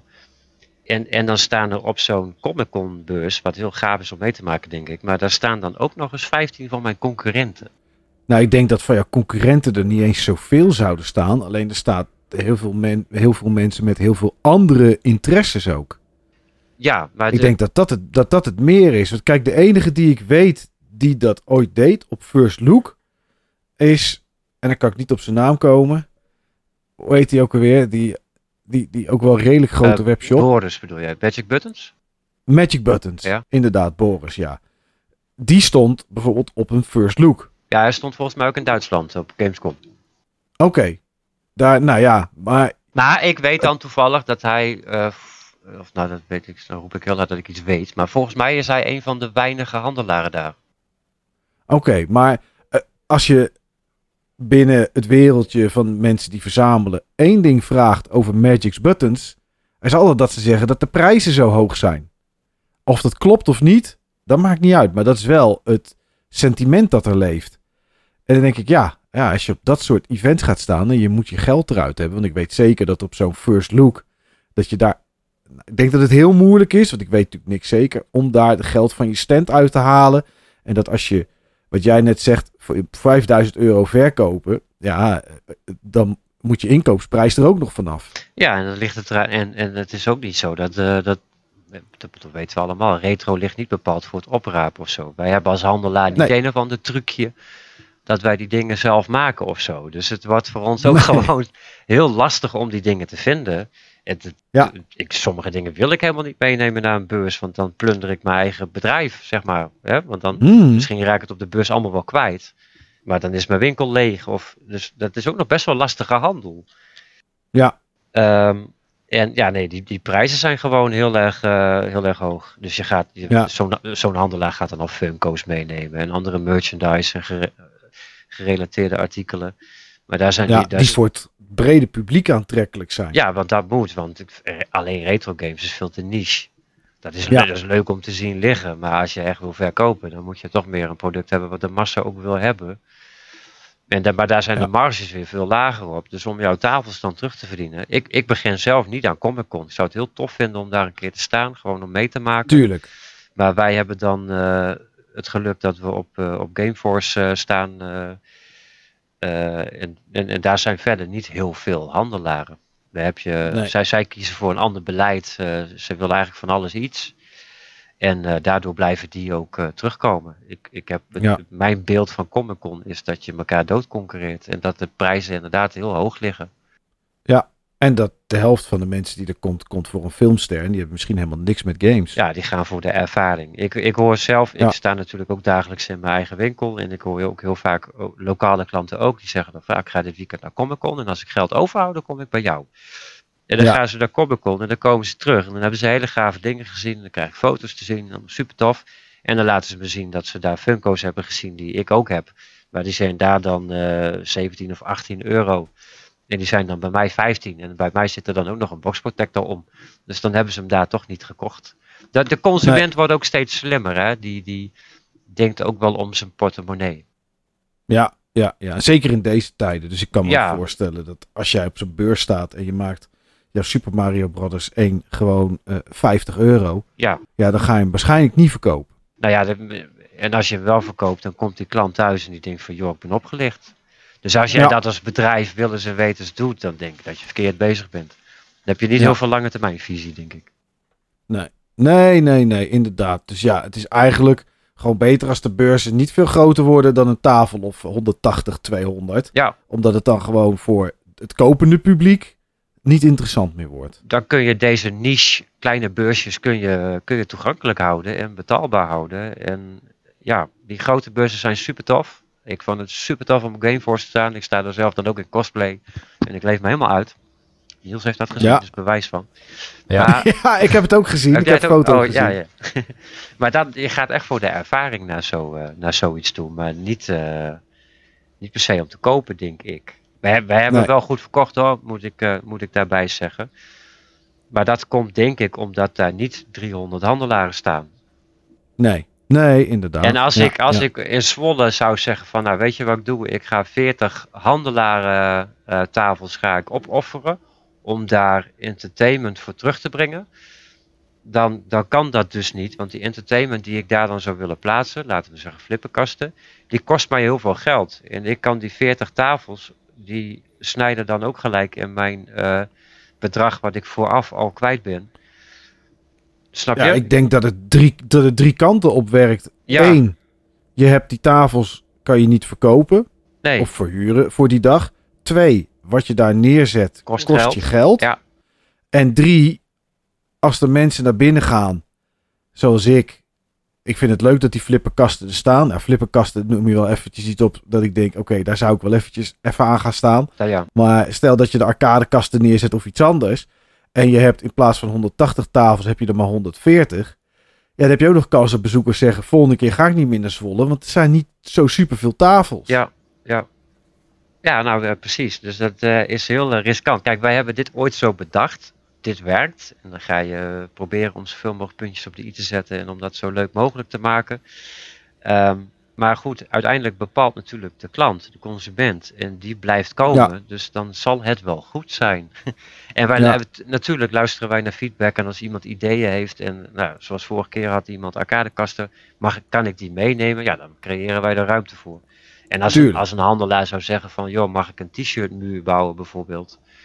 Dan uh, gaan we ook kijken of we dat kunnen regelen. Alles voor de ervaring van de klant.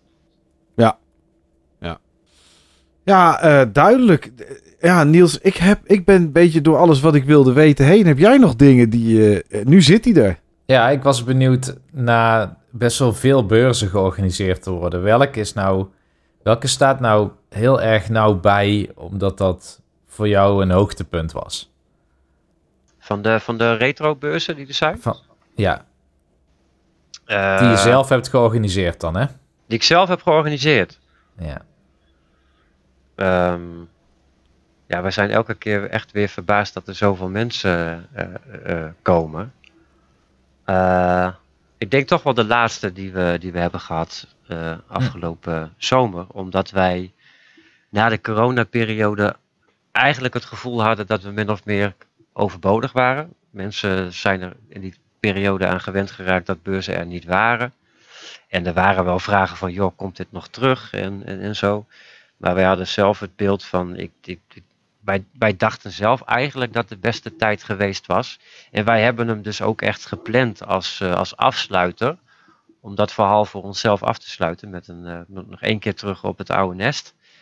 En, uh, maar de sfeer was zo goed en de mensen die binnenkwamen, er waren zoveel. eh, we gaan om half tien open. En ik geloof dat wij om half elf zaten wij al op 300 bezoekers. Dat, dat David en ik elkaar aankeken. En dat wij tegen elkaar zeiden van wij kunnen hier niet mee stoppen. Dat, zou, dat, dat, dat, dat mag niet. Nee. Het, wordt nog, het is te geliefd, zeg maar. En dat, dat is eigenlijk de echte drijfveer om daarmee door te gaan. En dat, ja, dat was eigenlijk wel heel mooi. En een, eh, een andere die mij, eh, maar dat is dan een meer emotioneel verhaal. Eh, mijn vader is in eh, 2020 in januari overleden. En eh we hadden toen in februari ook de beurs in de, in de IJsselhallen. En eh, ik wou daar toen eigenlijk mee kappen, maar mijn vader heeft op zijn ziektebed al gezegd van, eh, jij gaat daar gewoon mee door. En, eh, en eh, David, mijn collega, die zei ook van, als je wil kappen, dan trekken we de stekker eruit. Maar die hebben we, die hebben we doorgedrukt en eh, nou ja, dat was, dat was gewoon een, eh, ja, een emotionele happening, zeg maar, dat dat, dat er was. Ja. Ja. Ja. Volgens mij ben ik bij die geweest. Was, dat, was, dat, was jij daar ook niet, Niels, toen? Was dat toen met Mark's Camp? En zijn Eh, koffie? Dat weet ik niet meer of dat, dat die was. Ik was toen verkleed als PD-karakter ook. Volgens mij waren jullie daar wel, ja. Ik ga kijken in mijn agenda, want toen was een kameraad van mij volgens mij bij mij op bezoek. Februari 2020, hè? Ja, Ah, zie ik niet staan. Ik zie wel staan dat ik met mijn auto naar de garage moest. dat ik naar Bert Visser ben geweest. Oh, leuk hè, Maar- Bert Visser. Ja. Dat, eh, Nou, nee, ik, dit zie ik ben er sowieso geweest, dat weet ik wel. Alleen omdat het ook een andere locatie was, moet ik heel erg denken van ja, welke locatie is dat dan geweest? Want ik ben volgens mij op drie verschillende locaties van beurzen van jou al geweest. We hebben één keer Gamescom Groningen gedaan. Echt in, eh, in de stad. eh. Nee, dat kan ik me haast niet voorstellen.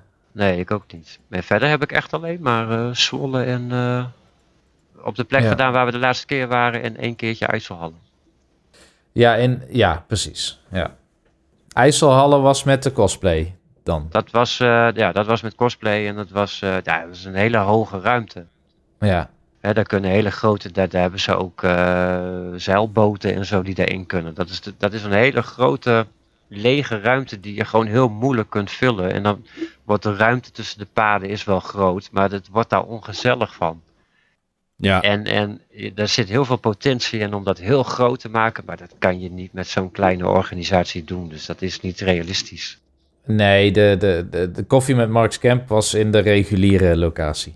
Ja, en toen, maar toen werden we als, eh, als mensen allemaal in ons gezicht geslagen door corona, echt direct daarna. Toen, eh, nou, heel kort daarop werden we allemaal opgesloten in ons huis. en toen ging het hele sociale aspect eh, natuurlijk ook verloren. avondklok erop. Avondklok erop. En toen, eh, nou ja, daar, maar in die periode is bij ons wel gaan dagen van, ja, wij, weet je, ik heb daar helemaal geen zin in om daar zo'n megalomaan evenement van te maken. Eh, ik wil eigenlijk gewoon dat kneuterige, gezellige terug van, van hè, wat de oude locatie te bieden had. Ja. Dat sfeertje. Dat was ook de feedback die we kregen hoor. Mensen vonden de oude locatie veel gezelliger. En, en ja, die mensen. Is het ook? Ja, die, ja, nou, ja maar, en dat, dat moet je eigenlijk niet willen veranderen. Nee, nee, nee. Nou ja, dat was wat bij mij de Bonami-beurzen, zeg maar. Toen het in die sporthal was. Ja. Ja, ging ik daar ook minder graag naartoe. Ja, omdat er een hoop mensen gingen die je kende, ging ik er dan naartoe. Maar Ja, ja, weet je, echt, echt een, een- sporthal met, met tafels en TL-balken erboven. Ja, ja dat is zo. is weer van nul. Ja, dat is zo. Maar toch staan dat wel vaak ook bij andere handelaren. Ik vind, dat- Klopt. die is voor mij Ja. nog enigszins in de buurt. Dus als die weer terugkomt, dan zou ik daar ook nog wel gaan staan. Gewoon voor de Ja. leuk ook. Maar ehm, ja, ik, ik- ja, die sporthallen hebben natuurlijk minder sfeer. Maar eh, ja, misschien kun je in zo'n sporthal wel een stukje ruimte kweken om iets te doen qua entertainment. Maar volgens mij Ja. hebben die ook allemaal wel iets eh, dat je kan gamen. Eh, jawel, jawel. Bonami had het op een gegeven moment ook wel. Dat je games kon testen ergens. Maar dat Ja. waren dan volgens mij tafels in de, in de hal zelf. Ja, precies. Dan is dat iets minder gezellig misschien. Ja, ja, ja. Ja. Maar goed, je moet ook wel geluk hebben met een locatie die, eh, die zich daarvoor leent, zeg maar. Wij, eh, en wil, Ja, natuurlijk. nou ja, bij ons is het daarom dus bijvoorbeeld duurder. Ja. Ehm, Ja. ja, dat is best wel lastig hoor, om een geschikte locatie te vinden die dat inderdaad ook wil. Ja, ja, je, ja, je legt ook, wij, le- wij leggen die hele locatie lam op die dag. Ja, tuurlijk. Normaal hebben zij allerlei kleine zaaltjes die je kunt afhuren. Dus, eh, en daarom, dus je huurt echt de hele locatie af. Daarom is het ook eh, prijzig. Ja, ja, dat snap ik. Ja, ik ben er een beetje doorheen, Niels. Tenzij jij nog eh, buiten wat je net vroeg nog iets hebt. Eh, Nee, ik heb niks meer. Nee, is er zelf nog iets dat je wil zeggen? Jur? Ja, behalve 25 februari in Zwolle natuurlijk. Maar Ik was zo benieuwd naar de aanleiding van deze aflevering, eh, jongens. Ja, gewoon. eh, mensen die daar eh, interesse in hadden. eh, Oh ja. Op het forum kregen we wat vragen. Op, op, ik krijg ze ook nog wel eens via WhatsApp. Ja, Ehm, op Discord. En ja, die mensen zullen ook wel een aanleiding hebben. Ik weet wel waar jij op doelt. Ehm, maar ja, goed, die, die weet ik natuurlijk niet. nee, nee.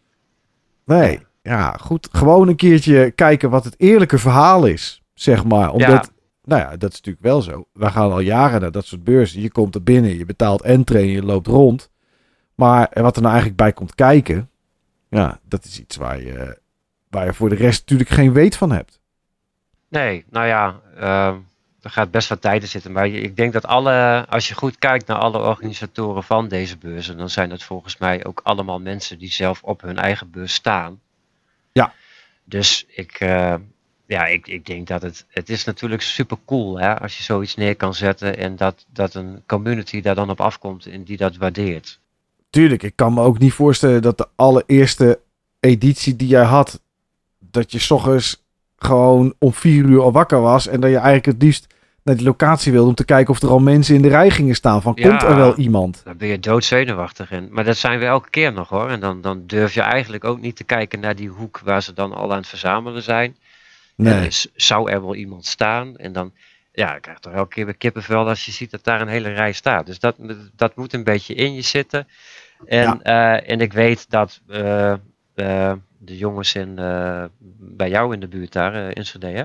Ja, ja, Enschede, ja, Hengelo zitten. Of Hengelo, ja. Die, die moeten allemaal een heel eind rijden om dat elders te doen. Dus het is, het is cool om dat een beetje dichter bij huis te doen. Zo, daarom hebben wij het ook gedaan. Wij moesten altijd naar Schiedam, Tilburg. Dat is voor ons gewoon heel lang rijden.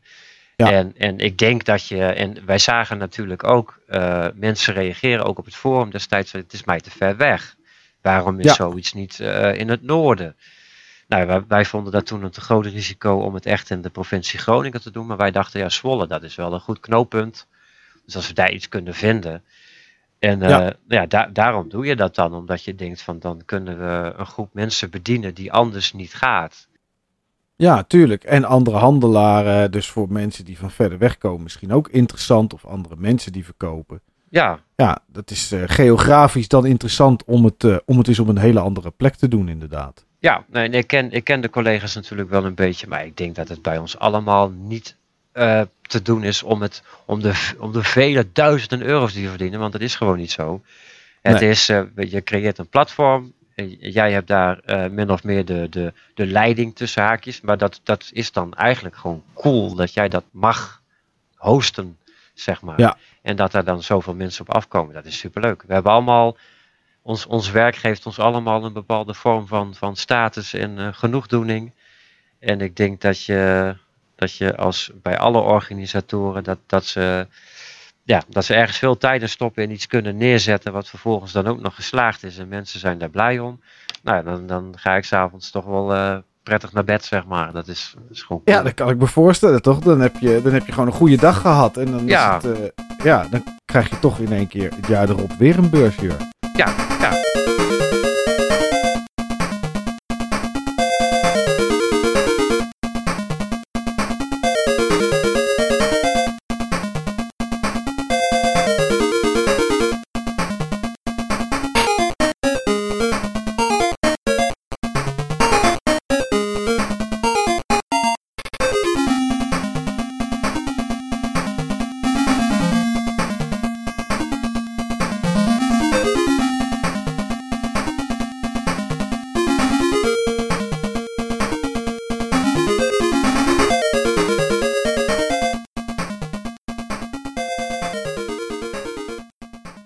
Nou goed, ja, dan gaan we hem afronden. Um, Jur, mag ik je enorm bedanken voor jouw uh, tijd en uh, nou ja, je openheid over wat komt erbij kijken. Uh, word ik daar heel erg rijk van en ga ik in een Honda Civic er naartoe en rij ik in een Ferrari weg. Um, of dat wel of niet het geval is, zeg maar. Ja, zodat we een beetje, beetje weten wat komt erbij kijken, wat is er nodig en ja, hoe werkt dat? Ja, en waardering kunnen hebben voor al die inspanning die erin gaat. Nou, zeker. Ik denk dat dat uiteindelijk voor alles zo is. Uh, daarom bestaat uh, Button Bashes ook nog steeds. Dus als je dat niet vanuit je passie doet. Nee, dat is ook zo. Ik bedoel, uh, alles wat Niels en ik doen, zeg maar, aan Button Bashers, kost alleen maar geld. Nou ja, dat weet ik inderdaad. Dus, maar dat doe je vanuit een bepaald passieproject. Dat, dat, dat, dat, moet je, dat moet je ding zijn. En ja. Ja, ja, je moet het leuk vinden. Het, en dan is, dan is het ook helemaal niet erg uh, als het iets kost. Hè? Dat is voor ons omdat het meer hobby is. Ja. En bij jou kan het niet 2000 euro kosten. Want als het je elke keer 2000 euro kost om een beurs te organiseren. Ja, dan moet je ermee stoppen. Want dan klopt er iets niet. Ja, dan is het niet haalbaar. Nee, nee. Maar als, het, uh, als er iets overblijft. Nou ja, dan is dat denk ik, als ik voor jou mag spreken, mooi meegenomen. Uh, aan het organiseren van de beurs zelf. En dan nog wat je op zo'n dag kan verdienen natuurlijk. Ja, ja. Ja, nou ja, dat ja. Is, en dat is uiteindelijk ons werk natuurlijk. En, en daar leven we van. Dus um, ja. sommige mensen vinden dat misschien uh, vervelend dat er in deze hobby geld verdiend wordt. Ja, ja die, die hebben dan maar pech, toch? Ik bedoel, nou ja, zo werkt is, het. Ja, dat is markt en aanbod. Dat is, uh, dat is overal zo. En um, ja. Ja, ja, en of dat nou of dat nou met games is, of dat je een sportvisser bent, of dat je hardloper bent, of wat dan ook. Ja, of treintjes verzamelt, of, uh, hè? of uh, ja. oude, oude, Furbies. I iemand moet ervoor zorgen dat die dingen het blijven doen. Uh, ja. dat, ze, dat ze er überhaupt zijn. dat het niet wordt weggegooid. Want al die vervelende handelaren die redden ook wel echt dingen van grof vuil en dat soort Tuurlijk. dingen. Tuurlijk, dus... als, er, als mensen weten dat ze bij jou iets in kunnen leveren waar ze er toch nog een paar grijpstuivers voor terugkrijgen. Of misschien honderden euro's als ze iets bijzonders hebben. Ja, dat, ja, ja dus altijd nog beter dan dat, het op de, dan dat het op de stort terechtkomt. Ja, absoluut. En het is inderdaad uh, uh, vraag en aanbod die, uh, die het bepaalt. En als, als de klant op een gegeven moment zegt van wij kopen die games niet meer, tenzij ze allemaal een tientje zijn, dan gaan die prijzen ook vanzelf weer naar een tientje toe. Ja. Want uiteindelijk moeten al die, die handelaren en ondernemers, die moeten er hun brood mee verdienen. Het, het, het, wij maken dingen niet bewust duur om rijk te worden of zo. Maar wel uh, de, de, de, de prijs stijgt om, vanwege de vraag. Omdat, hè, dat is dan weer wat we eerder zeiden. Anders worden we gewoon leeggekocht door een ander die het ook duurder maakt. Ja, ja, ja. ja, ja. En, en, en net zoals dat uh, de snackbar bij mij om de hoek bij een broodje frikandel 65 cent vraagt voor mayo. Ja omdat de schoorsteen harder moet roken. Ja, laten we eerlijk zijn, die moet bij jou ook harder roken als je energieprijs omhoog gaan of je huur. Nou, absoluut. Je, je kan je frikandel ook mee naar huis nemen en, en, en in de koelkast een potje mayo hebben en hem daarin dippen. Ja. Als je die 65 cent niet gunt aan die uh, ondernemer. Maar ja, ja, ik denk dat we daar met elkaar niet naartoe moeten.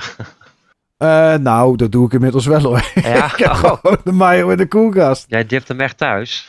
Nou, ik vind, ja, ik laat het, ik dip hem sowieso thuis, anders krijg ik ruzie. Oh, ja. Maar uh, ik vind 2,15 euro voor een frikandel vind ik al meer dan genoeg, zullen we maar zeggen. Dus dan pak ik wel mijn eigen mayo, ja. Ja, precies. Ja, ja. Ja, maar ja, ik kan er ook voor kiezen om een frituurpan te kopen en helemaal niet meer die frik frikandel bij die snackbar te kopen. Maar dat doe ik dan net weer niet. Tegenwoordig hebben we allemaal een airfryer, toch? Ik niet. Oh, jij bent wel heel erg oldschool. ja, maar ik heb ook geen frituurpan. Oh, oh. Dus ik, ik koop het gewoon nog bij de lokale snackbar. Maar ik vind frikandel en zo uit een airfryer, nee, dat, dat moet wel in vet, vind ik. Ja, precies. Ja, dat is wel lekker, hè? Ja, ja, ja. Heb jij eigenlijk al airfryer of zo, Niels, in je nieuwe huis? Uh, nee, maar er heeft toevallig iemand mij gisteren zo'n ding aangeraden. Ik zat oh, gisteren in, ja, in een cocktailbar en uh, toen... ik weet niet waarom plek, je dan over airfryers hebt, maar... Ja, nee, de, hoe heet die plek ook weer? De, de, de Rum Club of zoiets heet die, geloof ik, in, uh, in Utrecht. Ja. En toen ging het ook al, heb je al een airfryer? Ik zeg, nee, ik heb geen, nog geen airfryer. En dat, daar word je een apostel van, volgens mij, als je eenmaal zo'n ding hebt. Ehm, want je kan daar alles in doen. Het is, ze zeggen ja, het is gewoon een oven, maar het duurt gewoon maar een kwart of, of minder van de tijd om daar iets in op te warmen. Dus gewoon s ochtends brood erin stoppen of iets dergelijks, eh, wat je wil. Het schijnt allemaal te kunnen. Het is Hmm. meer, ik wil niet nog, een, nog iets in mijn keuken hebben staan. Dat is het. Nee, ja. Nee, ja. En ik, ja, nee, ja. Ik, ik heb er geen. Ehm, en ik denk ook niet dat die er gaat komen. ik bedoel, in een gezin met vijf mensen. Ik weet niet hoe lang het duurt hoor, een frikandel in de airfryer. Maar in, in frituurvet duurt het, duurt het zo'n vier minuutjes, vier, vijf minuutjes. Als er tien mensen frikandel willen en dat duurt in dat ding 20 minuten. Ja, dan mag ik smiddags om één uur alvast beginnen met bakken. Nou, dan moet je omste beurt eten inderdaad. Dat wordt er wel een klein beetje vervelend van. Ja, precies. Of Dus, dat, je eh, dan, nee. dat je dan eerst je patat krijgt en dan als je dat op hebt, dan krijg je nog een keer je frikandel. Dat kan ik ja, zelf niet tien minuten later. Ik wil het graag Nee. tegelijk. Ja, ik ook. Ja. Dus bestellen we het gewoon maar bij de snackbar. Ja, en dan precies. eh, kopen we wel zelf onze mayo. Dat Ja. dan. Nou, het zijn zware tijden, Mike. Ja, ook voor mij. Hè? Ja, Goed, eh, ja, Jur, nogmaals bedankt voor je tijd Ja, en je graag toelichting. graag Eh, gedaan. mochten, we, mochten we ooit weer eens iets hebben, dan eh, tikken we je gewoon weer aan. is goed hoor. En dan, eh, dan horen we het wel. Ja, Niels, eh, hij zit erop, denk ik, deze Ik- uitzending. Ik denk het ook. De laatste die we voorlopig... Nee, dat is helemaal niet waar. Zit Nee. te denken. Nee, we willen nog een jaaroverzicht dit jaar doen. De één na laatste van het jaar. En, je, en we gaan nog iets anders terughalen. Wat jij graag eh, wilde doen. Oh ja, dat dat, is toch- correct. Dat is waar. Ja. Ja. ja. Maar dat is niet meer dit jaar. Maar eh Club Buttonbashers. Ja, dat is iets wat we natuurlijk eh, een tijdje hebben gedaan. Waarin we elke twee maanden, denk ik dat het was. Ja, hè? Elke twee Zoiets, maanden ja. of drie maanden, zoiets. Speelden we, in ieder geval wij tweeën, alle twee dezelfde game. En zetten dat ook op het forum. En dat mensen met ons mee konden spelen. En dan maakten we daar ongeveer een uurtje een podcast over. Ja, en jij zei van de week, die van Halo, die Ja. is bijna, hoeveel keer? Bijna duizend keer gespeeld. Ja, bijna duizend keer eh, beluisterd. Eh, is het dan niet leuk om eh, eindelijk eens een keer samen aan Halo 2 te beginnen? Dus dat, ja, daar gaan we even onze agenda's voor pakken om daar een paar avondjes voor te, voor te prikken. Ik heb geen idee hoeveel langer of korter die is dan de eerste. Maar eh, ik weet ook niet wanneer die komt, maar daar gaan we in ieder geval een begin mee maken. Ik heb er, ik heb er eigenlijk stiekem wel zin in, in Halo Ja. 2. Ja, want ik heb hem laatst nog eens terug beluisterd. En volgens mij vonden we het allebei sowieso de moeite waard om te spelen. Ja, Deel ja, één. Ja, ja. level design vond ik hier en daar wat minder. Maar het was wel leuk om, eh, om dat nog steeds te spelen. Dus eh, ja, dat gaan we ook doen. Dus er komt eh, voor de luisteraars wel weer iets meer content aan. Nou, dat is toch prettig, denk ik. Ehm, goed, dit was Buttonbashers aflevering 106. De laatste reguliere van het jaar. En ik denk ook wel de laatste die uitkomt. Want eindejaarsoverzicht is toch een beetje aan het einde. En dan is dat meestal niet meer dit jaar eh, nog online. Maar goed, eh, we gaan het zien. We gaan het meemaken. In ieder geval bedankt voor het luisteren. En tot de volgende keer.